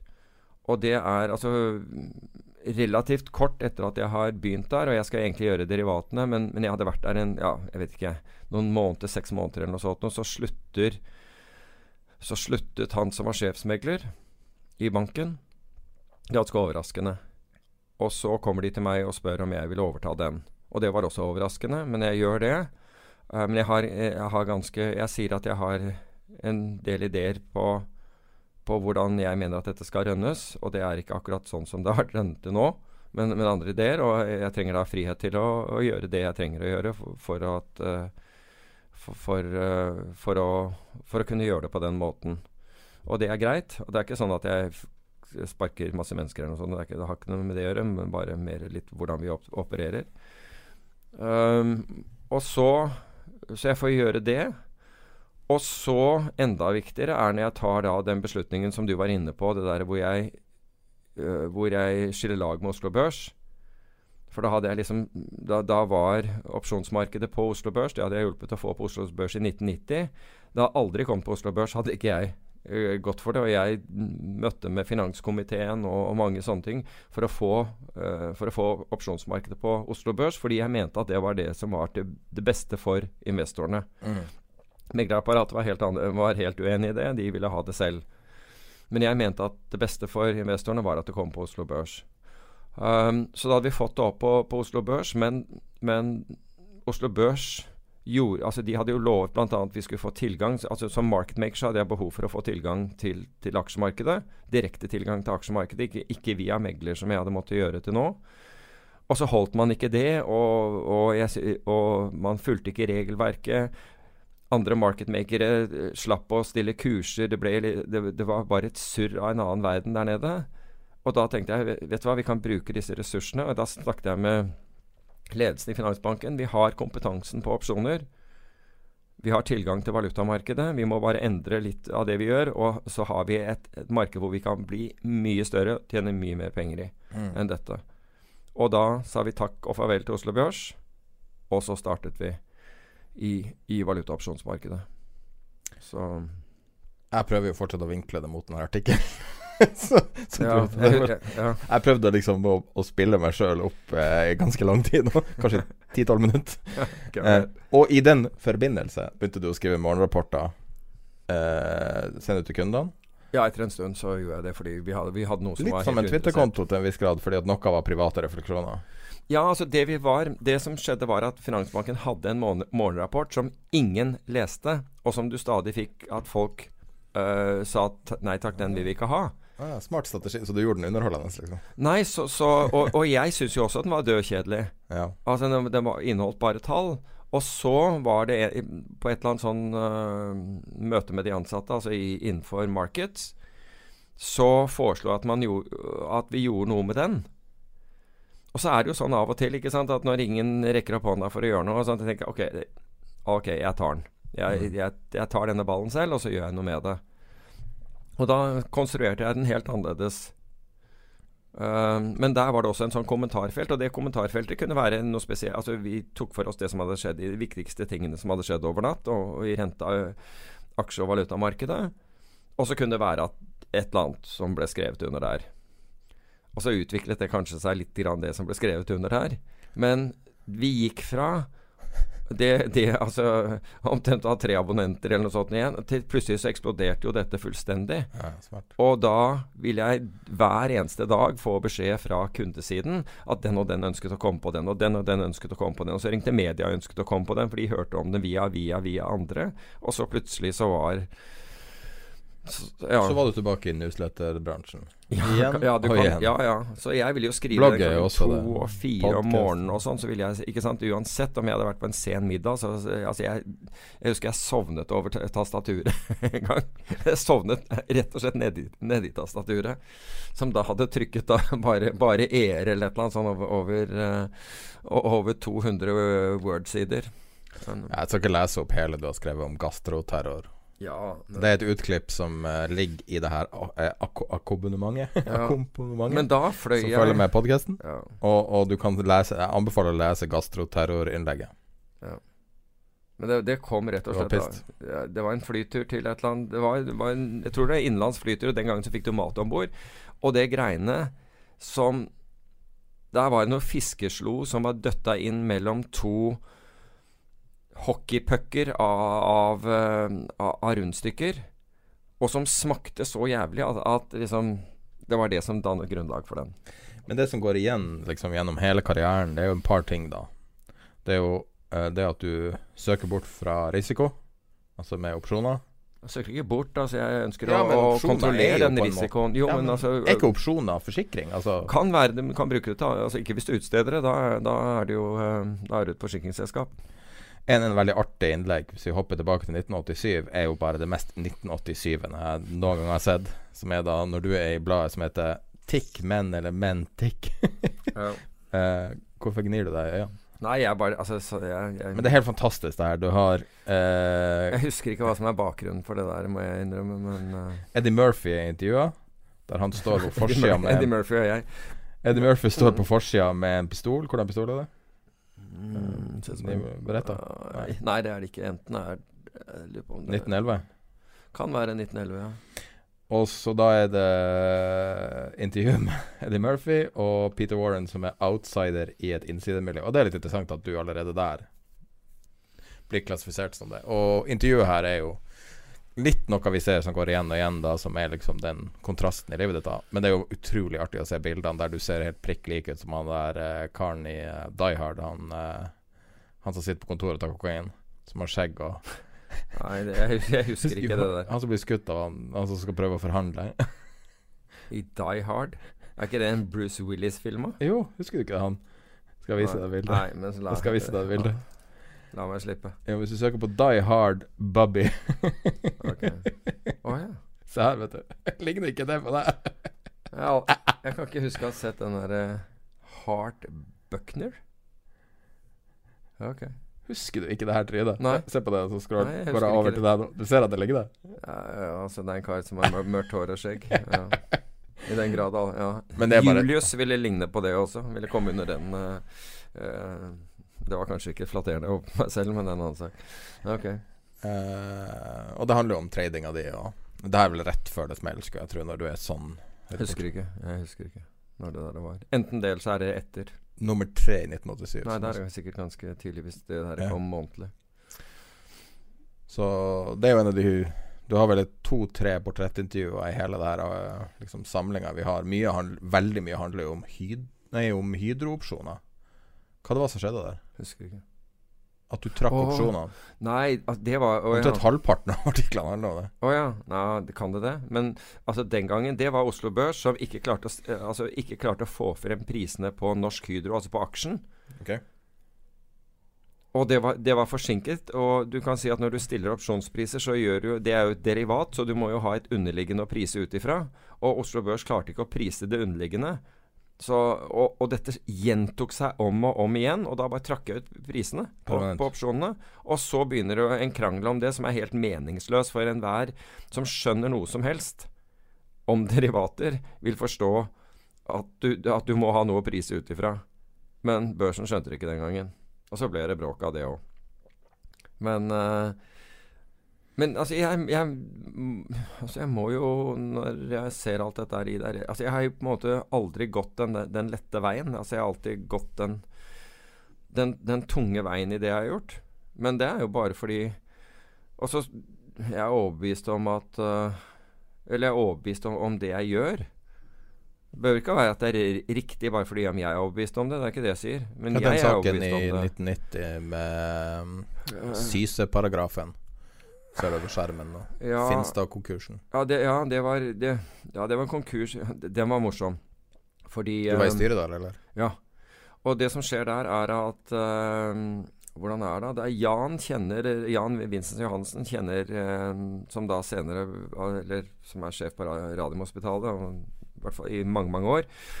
Eh, han kjenner Lasse Finstad. Og Lasse Finstad trenger flere i styret. Og Jan snakker med Kåre Valbrokk. Eh, og Kåre sier til Jan at eh, jeg blir med hvis, vi, vi, hvis jeg får med Peter. For han, uh, han ville gjerne at jeg skulle være med på dette her. Og så går vi inn i styret på, på et selskap som har store problemer. Altså det har, det har veldig store problemer når vi går inn i det. Og så er det egentlig Vi går inn for å se om vi kan Om det er noe å redde. Og ganske tidlig så forstår vi at det ikke er noe å redde. Altså Det går ikke an å redde dette selskapet fra konkurs. Men enda verre, det er at de tiltakene som vi vedtar, og det er jo om å, å, om å likvidere flere at Det er masse datterselskaper, og det er vanskelig å få oversikt over dette her. Så vi prøver å likvidere datterselskaper og finne ut hva, hva vi sitter igjen med. Men samtidig så driver da en advokat sammen med Lasse Finstad og starter nye selskaper som vi ikke vi vet om. Og dette skjer eh, I hvert fall så jeg Så, så jeg bestemmer dette, er, dette går ikke å ha og, øh, Så jeg trekker meg fra styret, og så tror jeg Kåre trakk seg en stund etterpå. Så er det denne bobestyreren, som da ingen hadde hørt om på forhånd, som finner ut at dette kommer til å gjøre han kjempekjent hvis han tar disse tre menneskene og, og, og, og løper til pressen og sier at det er deres skyld. Det er ganske stor eh, Ja, så han går de, ja, Så denne Einar Trygve Benerud, han løper til Aftenposten. Jeg kan si det fordi det, dette er det som skjedde. Og blir plutselig kjent over natt, han. Mm. Og nå er det vi som skal saksøkes, og det var ikke måte på. Og det ender da med at uh, vi blir blankt frifunnet i dette her. Ja. Men det blir, en, det blir jo en sak av det. Det er jo på en måte kostnaden å være kjent også, fordi at de har altså, du, du blir et stort mål. Ja. Og du har jo stilt var- opp i Jo, aviser Ja. og sånn, om det er frivillig eller ikke frivillig, så, så blir du uansett et target. Da. du blir et target, og Men jeg tror at altså, Hvis du går tilbake til Du, du snakker om disse uttalelsene, og det var Ved en anledning så, så ringte TV 2, og de ønsket uh, en som skulle uttale seg om et eller annet. Jeg husker ikke hva det var. Et eller annet innenfor norsk Enten om det var innenfor, innenfor næring eller norsk økonomi. Og så sier jeg, vet du hva, det er en som er mye flinkere enn meg til dette her. Har kjempepeiling på akkurat dette. Ring han. Og så sier vedkommende ja, flott, hvem er det? Og så sier jeg, sier jeg navnet, og så sier vedkommende helt ubrukelig. Nei, det er ikke ubrukelig, ja, ikke ubrukelig, sa han. Er kjempeflink. Ja, men det er ingen som skjønner hva han sier. Skjønner ikke en døyt av hva han sier. Da hjelper ikke. Dette er TV. Noen må, må si det i klartekst. Og det er det, det er det med meg. Jeg er, jeg er akkurat Jeg er så dum at jeg klarer å si ting på en så enkel måte at alle skjønner det. Ja, Nei, det er kanskje det. Så det er det som? Og, men Men du har jo, altså jeg vet jo hvor mye henvendelser du får. Ja. Og hvis, hvis man er journalist og ringer deg, så er det vel ganske vanskelig å få ta telefonen sånn generelt. Er Ja. det? Det får, ja, jeg får jo ikke gjort det, men uh, Men er ikke det litt deilig, altså nå når du altså, driver mer for deg sjøl og Nei, Altså, det trykket må jo ha dempa seg. Ja, men poenget var jo at uh, Var jo at bloggen Det var jo hele ideen bak den bloggen. Var at jeg, at jeg skulle slippe å måtte håndtere Altså, hvis jeg hadde en mening om noe, så sto det i bloggen. Hvis ikke, så hadde jeg ikke noe mening om det. Ja. For ellers så er det sånn du, du får inn en telefon, du tar den, så er det en eller annen som spør deg om det, og så sier de at 'jeg har ikke noe mening av det'. Ja, men så spør de et eller annet, og så før du aner ordet av det, så er det på trykk. Og det neste du, du må gjøre, eller i beste fall, så sitter du halve dagen og retter dette her og prøver å forklare vedkommende at eh, du, du må ikke skrive det, og overskriften kan ikke være det. Ja, men overskriften har ikke jeg kontroll på, sier de. Det er desken. Som da skriver en overskrift som er da spikspenna gæren i forhold til det du sier. Mens med bloggen så var det mulig å si at ok, siter fra bloggen, men vær så snill å, å, å inkludere um, URL-en eller et eller annet sånt, eller henvis til den, så folk kan faktisk se hva jeg har sagt. Som er ofte ikke det som, som, som, som pressen skriver likevel. Så, så bloggen har på en måte filtret ut fryktelig mye av det der. Men du blogger litt mindre nå, syns jeg. Det var en periode du blogga nesten Ja. daglig. Nei, aldri. Eller i hvert fall aldri. ukentlig. Uh, ukentlig, ja. Ukentlig, gjør jeg. Men du kan si at når jeg har noe å si Men det skal være sånn at du har noe å si. Men podkasten er jo regelmessig, så Antageligvis. får vel litt utløp for Jeg det. tipper det. Jeg tipper at det er det som gjør det. Men det, det har vært ganger hvor jeg har holdt på å sette meg ned og skrive blogger, og så har jeg blitt uh, forstyrret, og så, så blir det ikke. Men ja, det er ikke det. Altså, jeg, jeg føler jo på en måte at, eh, at uh, bloggen fortsatt er der. Det er bare at jeg ikke har skrevet på en, på en stund. Hva syns du om å bli karikert i Dagens Næringsliv noe helt, to, med to anledninger? Hva du syns altså, hva du syns liksom Nei, om å være Jeg, altså jeg, jeg liker jo ikke Altså I karikatur eller i bilder så syns jeg at det er Så synes jeg det er vanskelig å se på meg selv. Og det tror jeg de Hva med å høre på deg sjøl i podkasten? Nei, det er Altså, det, det er lettere. Mm. Er det verste på jorda, å høre meg sjøl når jeg må klippe i hele podkasten. Ja, det skjønner jeg, fordi du, du sitter og gjør det. Men jeg hører igjennom bare for å se at Altså at Bare for å høre rytmen i ting. Ja. Eh, men det er klart Du skjønner at jeg irriterer meg over sjøl? Ja, men uh, Men uh, Nei, så det, det er ikke Altså, når du først er blitt vant til å høre stemmen din gjennom Gjennom Gjennom en høyttaler, det tar jo litt tid å venne seg til. Men når du først er blitt vant til det, så er ikke det noe som jeg på en måte gremmes av. Det er bra tittel på biografien din, 'Frykthandelen'. ja. Det var jo eh, DN, ja. Vix-indeksen som var så populær. Mm. Nå har vi holdt på i 1 time og 15 minutter. Jeg føler at det er en sånn fin oppsummering. Jeg vet ikke om du vil, vil at du skal gå inn på nitt, Kanskje vi kan gjøre det med en senere anledning, 1999. Du, var, du advarte eh, med flere anledninger dokumentert mot dotcom-krisa. ja. Og sikkert eh, 2007-2008, men det har vi ikke. Men det Ja. som Ja, det, men jeg var, jeg var tidlig ute i, i, um, i 2000, eh, Jeg satt jo i, i månedsvis i, i, inn i, um, over 2007-2008 egentlig med, med feil type posisjoner. Ikke sånn at vi, vi tapte mye penger, men andre tjente mye penger fordi det fortsatte å gå oppover helt til det sprakk. Så den, den var ganske Den var jo ganske eh, tung. Men når det gjaldt 99 så Altså, jeg var jo ute da Jeg mener at det var i 2000. Da hadde jeg Jeg en kan lese opp hva det står her. Det går så det suser. Dette handler mer om eh, at mye allerede er tatt ut i prisingen, sier Warren, som tror at den korteste veien til rikdom fremdeles kan gå gjennom IT-aksjer. IT-sektoren vil eh, være der eh, Vil være der du får spektakulære utslag, fordi den er så spesiell. Men i dag men i den kan du også oppleve noen ordentlige smeller. Som når selskaper som etter min oppfatning er kraftig oppblåst, viser seg ikke levere. Eh, eller at det kommer konkurranse på banen fra andre selskaper. Da er det game over. Det sa du um, 3. januar 2000, så det er ikke lang, jeg tror det var det. Tre, eh, og det er ikke lange veien før det smalt. Nei, altså jeg, jeg går jo på en sånn foredragsturné på vegne av Finansbanken, hvor jeg Hvor, uh, hvor poenget var, og jeg tror tittelen på den var 'Økonomi er lik økonomi'. Altså det fantes ikke noe som het ny økonomi. Jeg mente at Og den begynte det, det, Jeg vet ikke om vi har snakket om den før. Men Vi har snakka to ganger. ja, ok. Men den første er jo i Stavanger, hvor jeg holder foredrag om, om dette. Og da er jo alle um, uh, overbevist om at dotcom-aksjer aldri vil komme til å, til å falle. Og jeg tror jeg ender Jeg tror det siste stedet jeg snakker, jeg lurer på om det er i Førde. Og da må du, da må du rett og slett trøste folk, for i løpet av denne disse månedene hvor jeg har det, holder disse foredragene rundt omkring i landet, så går vi fra, fra himmel til helvete.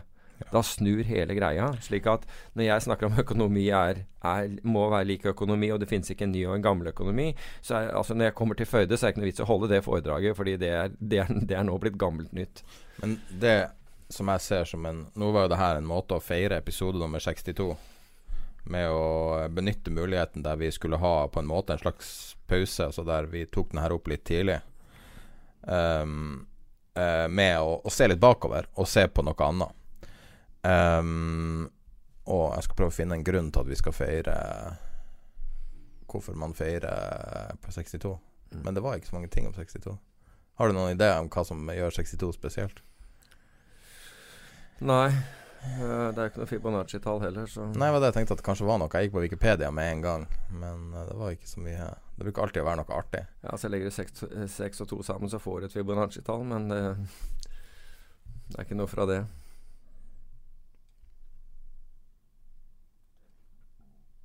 Det er palidromikk og reptid Ja.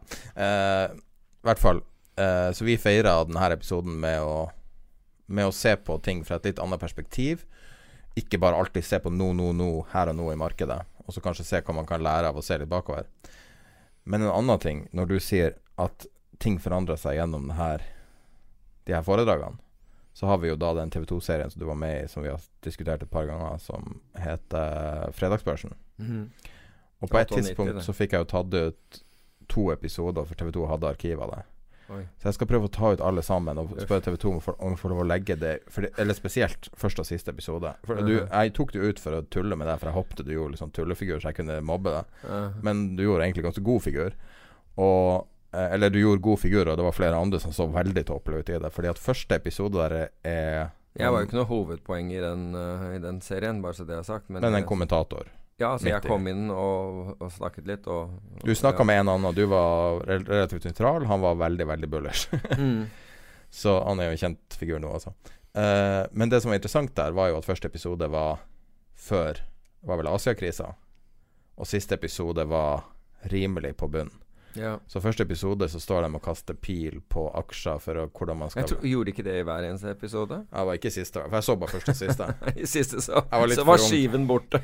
Nei, det var så depressivt. Og det var da var det snakk om at man kunne skrive av tapene på skatten, og det var sånne type ting. Jeg tror ikke det var så veldig høye seertall på slutten der heller, for det var ganske høy i starten. Det var veldig høyt. Det var Men det over, kunne jeg tenkt meg ja, å, at vi kunne kanskje ha prøvd å få legge ut på Facebook med TV2 sin tillatelse. Det hadde vært artig. For ja. der får du virkelig se det du beskriver, da. Hvordan Vi var jo møtte noen uh, lyttere av podkasten nå mm. som i hele deres liv har boligmarkedet steget. Ja. De er relativt voksne. Mm. Og de sa at folk er så optimister som Altså, det er, eksisterer ikke en pessimist, liksom. I, og det overraska meg litt. Jeg trodde folk var litt nøytrale, men Men de var, det var to flinke karer også, og jeg syns jo det er eh, Jeg blir jo Jeg blir jo faktisk stimulert av det der å møte folk som som forsøker å få til noe uh, annet enn det hele mengden gjør. Liksom i uh, til enhver tid. Veldig reflekterte folk. Ja. Og rett og slett artig. Så, men jeg tror vi, vi, avslutter episoden på det, så kan vi heller kanskje ta, ta igjen noe av det nyere stoffet. Uh, jeg vet at du er litt sånn småsyk og Nei, jeg, har veldig jeg, lyst på den men, um, krembollen. Vil du fortsette? Altså, jeg, jeg har ikke noe pro problem med det, men, men det, var, det, slo meg at det var én ting. Men, men det, det, har jo ikke noe med Med med uh, avisoppslag å gjøre. Men uh, altså, vi har jo vært gjennom perioder bl.a. Uh, 97-98, og i den forbindelse uh, Jeg vet ikke om jeg har fortalt dette før, i tilfelle så kan vi jo bare klippe det ut. Men, men jeg, jeg, nevnte jo i sted hvor viktig sjefen din er for deg for om du får lov å, å løpe med ballen eller ikke, og, rett og slett få lov å utvikle deg. For mange ganger så vil jo ikke vil jo ikke de over at du på en måte kommer, kommer deg opp og fram. Du kan komme deg opp og fram, men på deres premisser. Jeg derimot har fått lov å løpe med ballen. Um, og det har vært svært viktig for, for, det jeg har gjort. Men enda viktigere, og det var i Finansbanken. Det var en dag, og det var enten i 97 eller 98, hvor, uh, hvor sjefen, han samme som hadde da uh, som hadde lagt frem uh, kjøpet til meg, og var min umiddelbare sjef, Steinar Terje Jung, Um, kommer bak meg på desken, og så sier han hvordan går i dag. Og dette skjer i et bakteppe av at banken taper på alt det gjør. Altså det er, Økonomien går til helsike akkurat i det. Vi har lånt ut penger til shipping som går dårlig. Vi har, vi har finansiert folk som, uh, folk som uh, låner penger for å, for å kjøpe aksjer. Absolutt alt banken driver med, taper penger. Så kommer han inn for å høre hvordan, hvordan, det går hos meg. Fordi jeg gjør jo ikke ting som normalt sett er, er sykliske. For det har jeg liksom lagt bort, for det var ikke noe vits i at jeg påførte banken den type risiko. Men akkurat denne her, nå øh, går det dårlig. Um, og, og, jeg svarer han at uh, ja, nå går det skikkelig til helvete. I dag går det skikkelig til helvete, er vel det jeg sier til han. Og Steinar trekker seg tilbake til sitt kontor, som var et stykke bak meg, men ikke en del av, eh, av, av dealingrommet. Og jeg vet hva, altså hvordan han tenker og sånt, fordi jeg, jeg spurte han etterpå om dette, for jeg lurte fælt på det. Så det han sitter med nå, det er at også jeg taper penger. Altså alt taper penger i banken, og de, de forsøker liksom å ta ned risiko overalt. Uh, og jeg også taper penger. Og det Som han marketmaker. Ja, prop trader. Altså jeg, Prop okay. e- egenhandel for banken. Men, men hva vi taper på, spiller ingen rolle om det er, om det er marketmakingen eller, eller hvilken del av det. Men vi, jeg taper penger. Jeg har helt klart tapt penger. Og, og han vet at jeg er innenfor risikorammene mine. For hvis jeg hadde vært utenfor, så hadde back og middle office kommet og gjort han oppmerksom på det. Så han, han slipper liksom å tenke på at jeg går langt utover, utover rammer. Han, men han, gjør, han eh, tar kontakt med disse og sier at hvis jeg, hvis jeg altså går jeg gjennom rammer, så vil han vite det umiddelbart. Så han vet jeg er innenfor rammene, men allikevel man, ta- man taper penger. Og jeg tenker på så mange i historien hvor de har blitt hugget bena av akkurat i en sånn situasjon, hvor de har vært innenfor alt de har hatt lov til å, å gjøre. Alle har vært innforstått med risikoen de har tatt, men, men man, har, man har liksom hugget bena av dem, kastet dem ut og gitt dem skylden for hvordan det gikk. Altså slik at ikke ledelse og andre tar skylden, men en, en eller annen enslig megler eller meglersjef eller noe sånt nå får skylden. Men Steinar finner ut at han trenger kun å ta stilling til én ting. Og det er om han har tillit til meg eller ikke. Så enkel var liksom beslutningen i hans hode.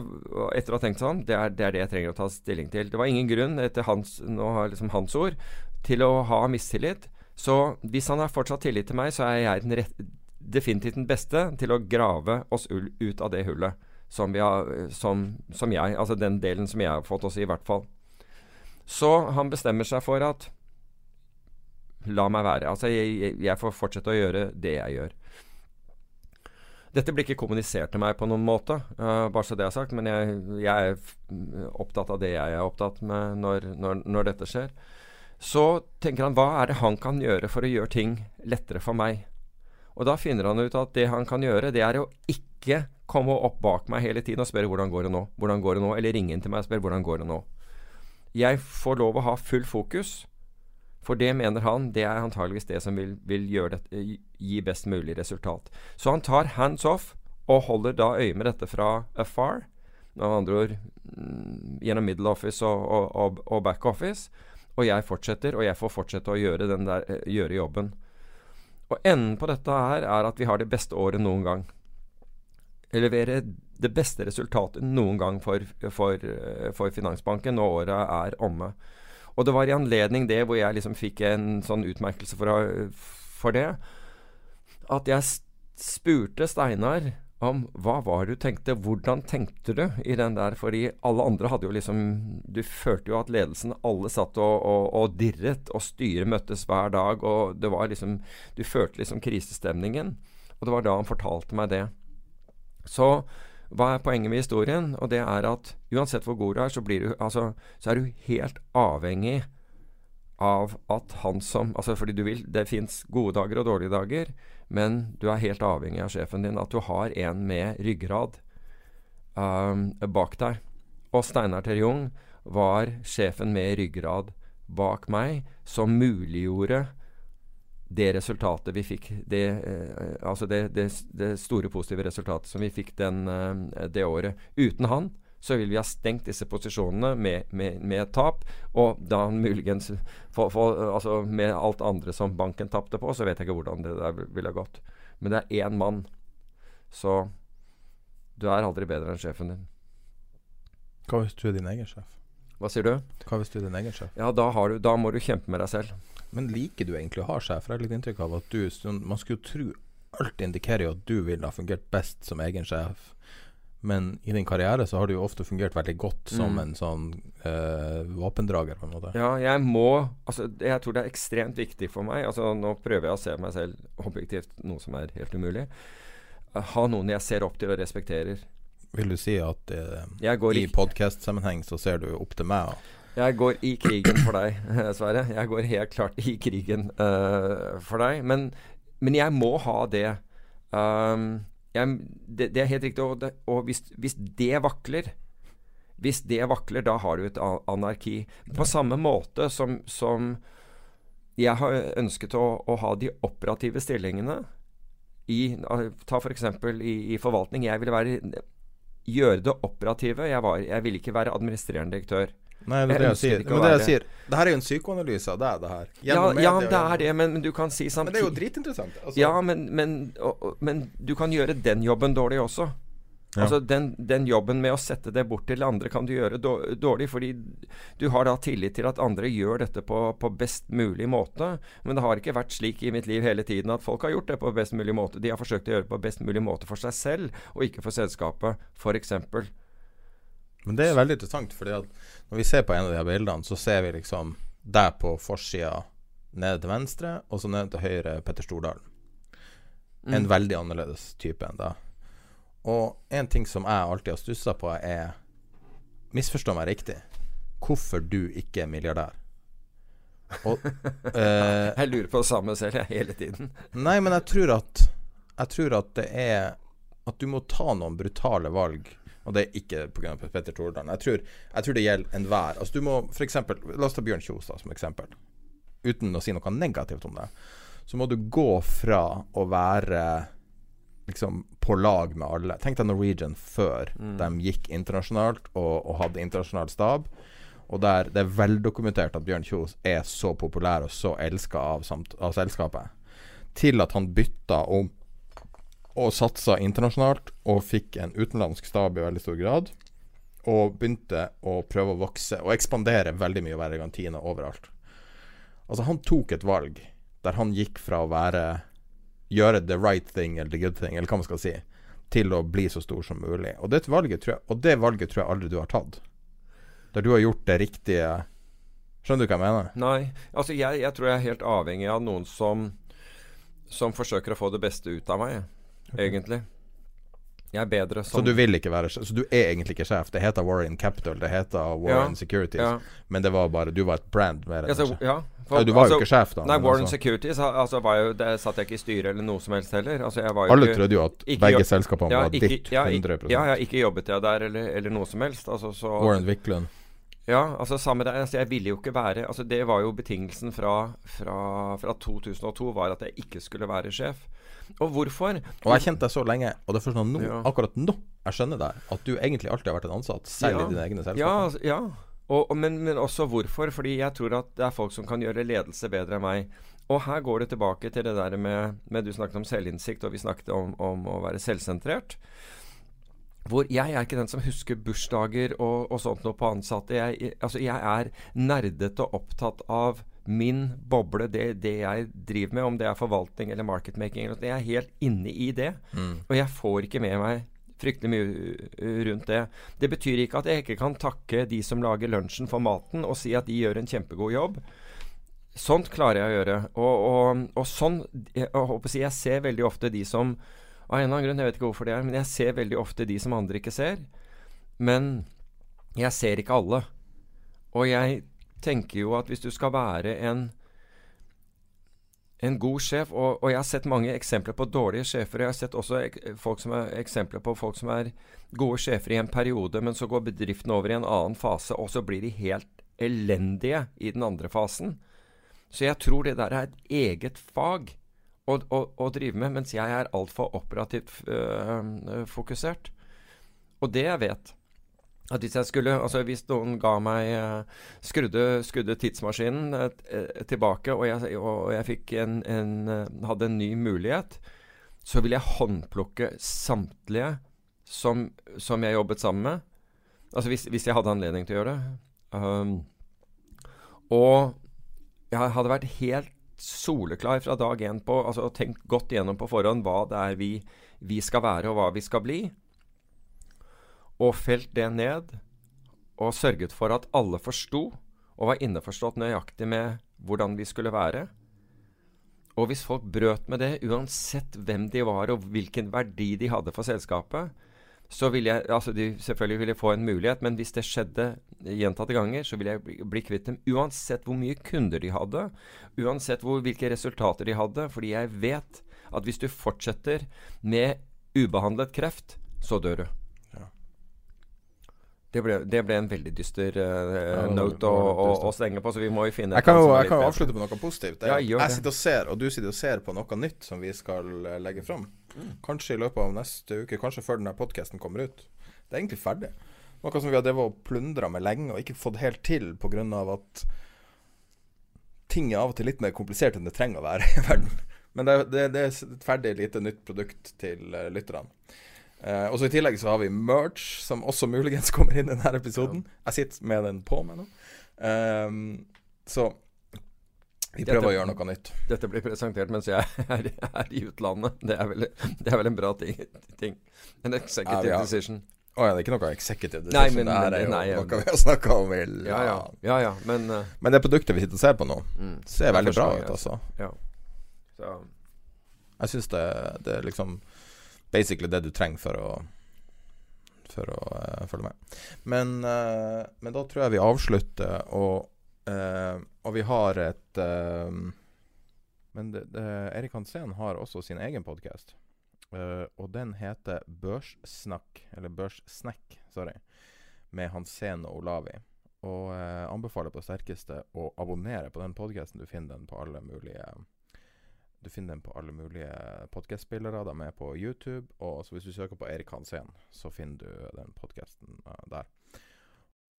Hei Hej och til välkommen till Börssnack med Hansen och Olavi. Det är jag som är Erik Hansen och jag jobbar som marknadsanalytiker på IG. Och jag heter Jonas Olavi och är allokeringschef på Alfredberg. Ja, idag har vi ett nytt fantastisk fantastiskt uh, avsnitt framför oss. Til till alla nya lyssnare av podden, Jonas, hur skulle vi beskriva podden? Börssnack det är ju podden som handlar om börsen och allt annat relevant som styr de finansiella marknaderna. Vi släpper mm. ett nytt avsnitt varje fredag och det här är avsnitt 52. Det spelas in torsdagen 26 september. Mm. Det här sponsras ju av din arbetsgivare Erik. Kan inte du berätta lite mer om den? Mm. Det är IG som sponsrar podden och eh, IG är då en global mäklare, eh, börsnoterad i London med kontor över hela världen. Har eh, funnits i branschen sedan 70-talet. Så gå in på ig.com för att läsa mer. Jag kan också passa på att nämna det, jag skriver en uh, morgonrapport uh, på IG som man kan signa upp på om man går in på hemsidan. Låter jättebra. Vet du hur länge jag har skrivit morgonrapporter? Det vet jag faktiskt inte, men uh, det är ett bra tag vet jag. Det är över tio år nu, så oj, att, uh, oj, tiden oj. går fort när man har roligt. Du har koll varje morgon helt enkelt. Ja. Och idag har vi ingen mindre än vice riksbankschef eh, Henry Olsson med oss idag. Uh, hur känns det Jonas? Det är ju otroligt intressant och det kommer många nya lyssnare som kommer att lyssna in på podden för att det kanske inte är börsen men det påverkar börserna vad man gör på Riksbanken så det här blir hyperintressant. Verkligen och vi kommer såklart prata om eh, minusränta och inflationsmålet, kronutvecklingen och konjunkturen. Eh, arbetslöshet och så vidare. Det finns jättemycket att prate prata om så det blir ett oerhört intressant avsnitt. Och jag kan också passa på att nämna att man kan gå in på riksbanken.se og och ladda hem den senaste penningpolitiska rapporten om man inte redan läst den. För det tycker jag då, då får man bra överblick om vad som ligger till grunden där för penningpolitiken. Men Erik, tycker du inte vi gör så som vi har gjort de senaste gångerna? Vi kör fem snabba med vår gäst. Det tycker jag absolut vi gör. Och, vi bjuder in Henry till, till podden här. Varmt, varmt välkommen till Börssnack Henry. Tack så mycket. Hur är läget? Jo, det är bra. Ja, ja. ja Jonas, eh, börjar du med första frågan här då? Jag kör. Guld eller bitcoin? Guld. Okej. Okay. Är du en eh, duva eller hök? Jag är Henry Olsson. bra svar. Bunden eller rörlig ränta? Det brukar jag aldrig ge vänner råd om, så, så den passar jag på. Du, du, ser oss som dina vänner. Ja, avgjort. eh, stark eller svag krona? Eh, vi har en rörlig växelkurs och det är marknaden som bestämmer. Mm. Ja, då tar vi den sista frågan. Stockholm eller Uppsala? Uppsala. Uppsala, okej. Okay. Jag har faktiskt bott i Uppsala så jag tycker också det är en supermysig stad. Men innan vi drar igång intervjun så tycker jag vi kör en sedvanlig marknadsuppdatering. Det gör vi. Då kör vi.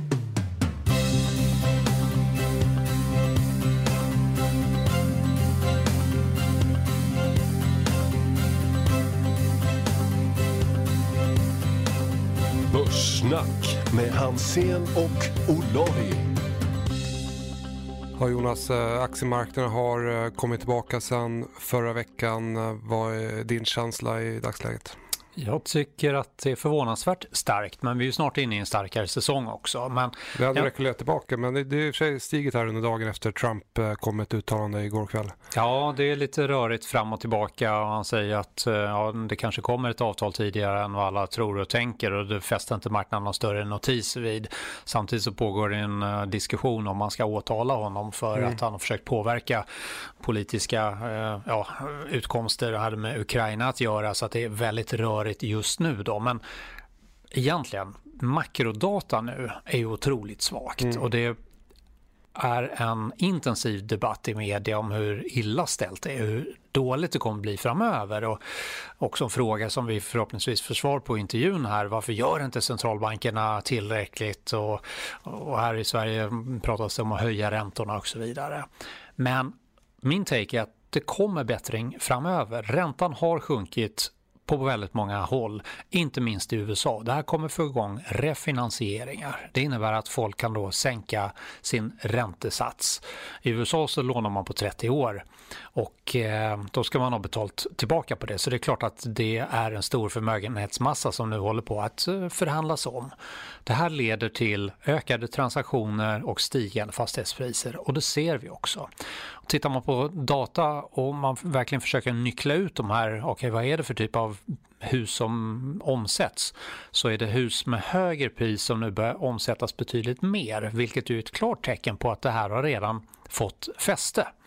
Inflationen i USA bör också stiga och det beror på två faktorer. Dels så har det med sekventiella försvagningar under sent 2018, tidigt 2019. De kommer snart vara ute ur jämförelsesiffrorna. Kollar på, alltså exkluderar oljepriserna nu eller? Ja, precis. Ja. Exklusive oljepriser då. Mm. Och sen har handelskriget faktiskt börjat fördyra för de amerikanska konsumenterna. Det är ju nu som tullarna sätts eh, i verket och sen i december så kommer ju nästa, nästa dusör eh, efter att folk har julhandlat då förhoppningsvis. Så det blir väl ordentligt köptryck innan julhandeln väl börjar då.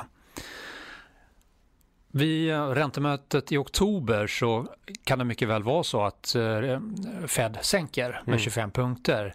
Marknadsprissättningen ligger snarare åt januari. Så vi får väl se lite grann när det händer. Men det är snarare sänka än att höja i alla fall. Det är de flesta överens om. Och förmodligen så kommer man behöva göra någon typ av QE. Och varför det? Inte för att stimulera den amerikanska ekonomin. Nej, det är ju för att få igång interbankmarknaden bland annat, få in mer pengar i systemet då. Så eh, det är också någonting som talar för lite bättre tider framöver. Då. Tittar man på Tyskland så är ju det ett bekymmer för Europa med negativ tillväxt och det beror ju primärt på bilindustrin som har gått lite grann i kvav nu. Det är lite mer tillfällig art men icke förty så är det otroligt viktigt för Tyskland. Och sen Brexit-förberedelser då. Och sen är också Tyskland en stor exportmarknad och eh, får hoppas att vi får en litet uttalande här från eh, Henry, liksom betydelsen av eh, Tyskland som marknad eller Europa som marknad för svenskt vidbekommande. Då. Det kom en eh, IFO-siffra här i veckan från Tyskland som eh, eh steg lite grann, även marginellt. Absolut. Vilket såklart är positivt. Ja, men det är klart positivt. Det var inte så illa som befarat. Mm. jag tycker inte europeiska aktier per se är så intressanta just nu. Det finns mer annat som är intressant och amerikanska aktier gillar jag ju fortfarande. Då. I Kina håller tillväxten faktiskt uppe relativt bra och det beror delvis på mer stimulativ finanspolitik, riktade kreditstödjande satsningar och en försvagad valuta. Vad vi har sett den här gången det är att pengarna har inte flytt landet och det beror på att man har lite hårdare kapitalrestriktioner och det är svårare att föra in och ut eh, stora volymer då. Man köper bitcoin istället. Ja, det kan vara det kanske. um, Men eh, jag tycker att Kina ändå lämnar en god aura av, omkring sig att ändå hålla emot bra i handelskrigens eh, hetta här då. Och sen kan man ju också tänka från den andra sidan av myntet då att eskalera handelskriget från USAs sida när Trump nu vill bli återvald. Det ligger inte i hans intresse och det finns undersökningar på det här också. Eh, bland annat då så kör Real Clear Politics en eh, polling report där man tittar på då hur, vad gillar du och sen så är det någon fråga som drivs, en politisk fråga och då är det handelspolitiken. Hur tycker du att Trump bedriver handelspolitiska frågor? Mm. Det får bottenbetyg.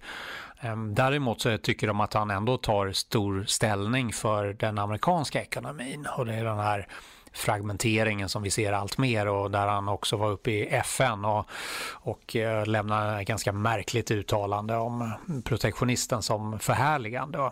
Så att, att han då ska eskalera handelskriget när de här undersökningarna och hans betyg, om man så säger, för utrikespolitiken är på bottennivåer, den kommer sjunka ännu mer, vilket i så fall kommer försvåra hans möjligheter att bli återvald. Så jag tror inte heller på det. Mm. Så om man väger samman allt det här då så borde tillväxten kunna se bättre ut ett par månader bort då, det vill säga framåtblickande data men även hårddata, även om det kommer ta lite tid. Och det betyder för börsen?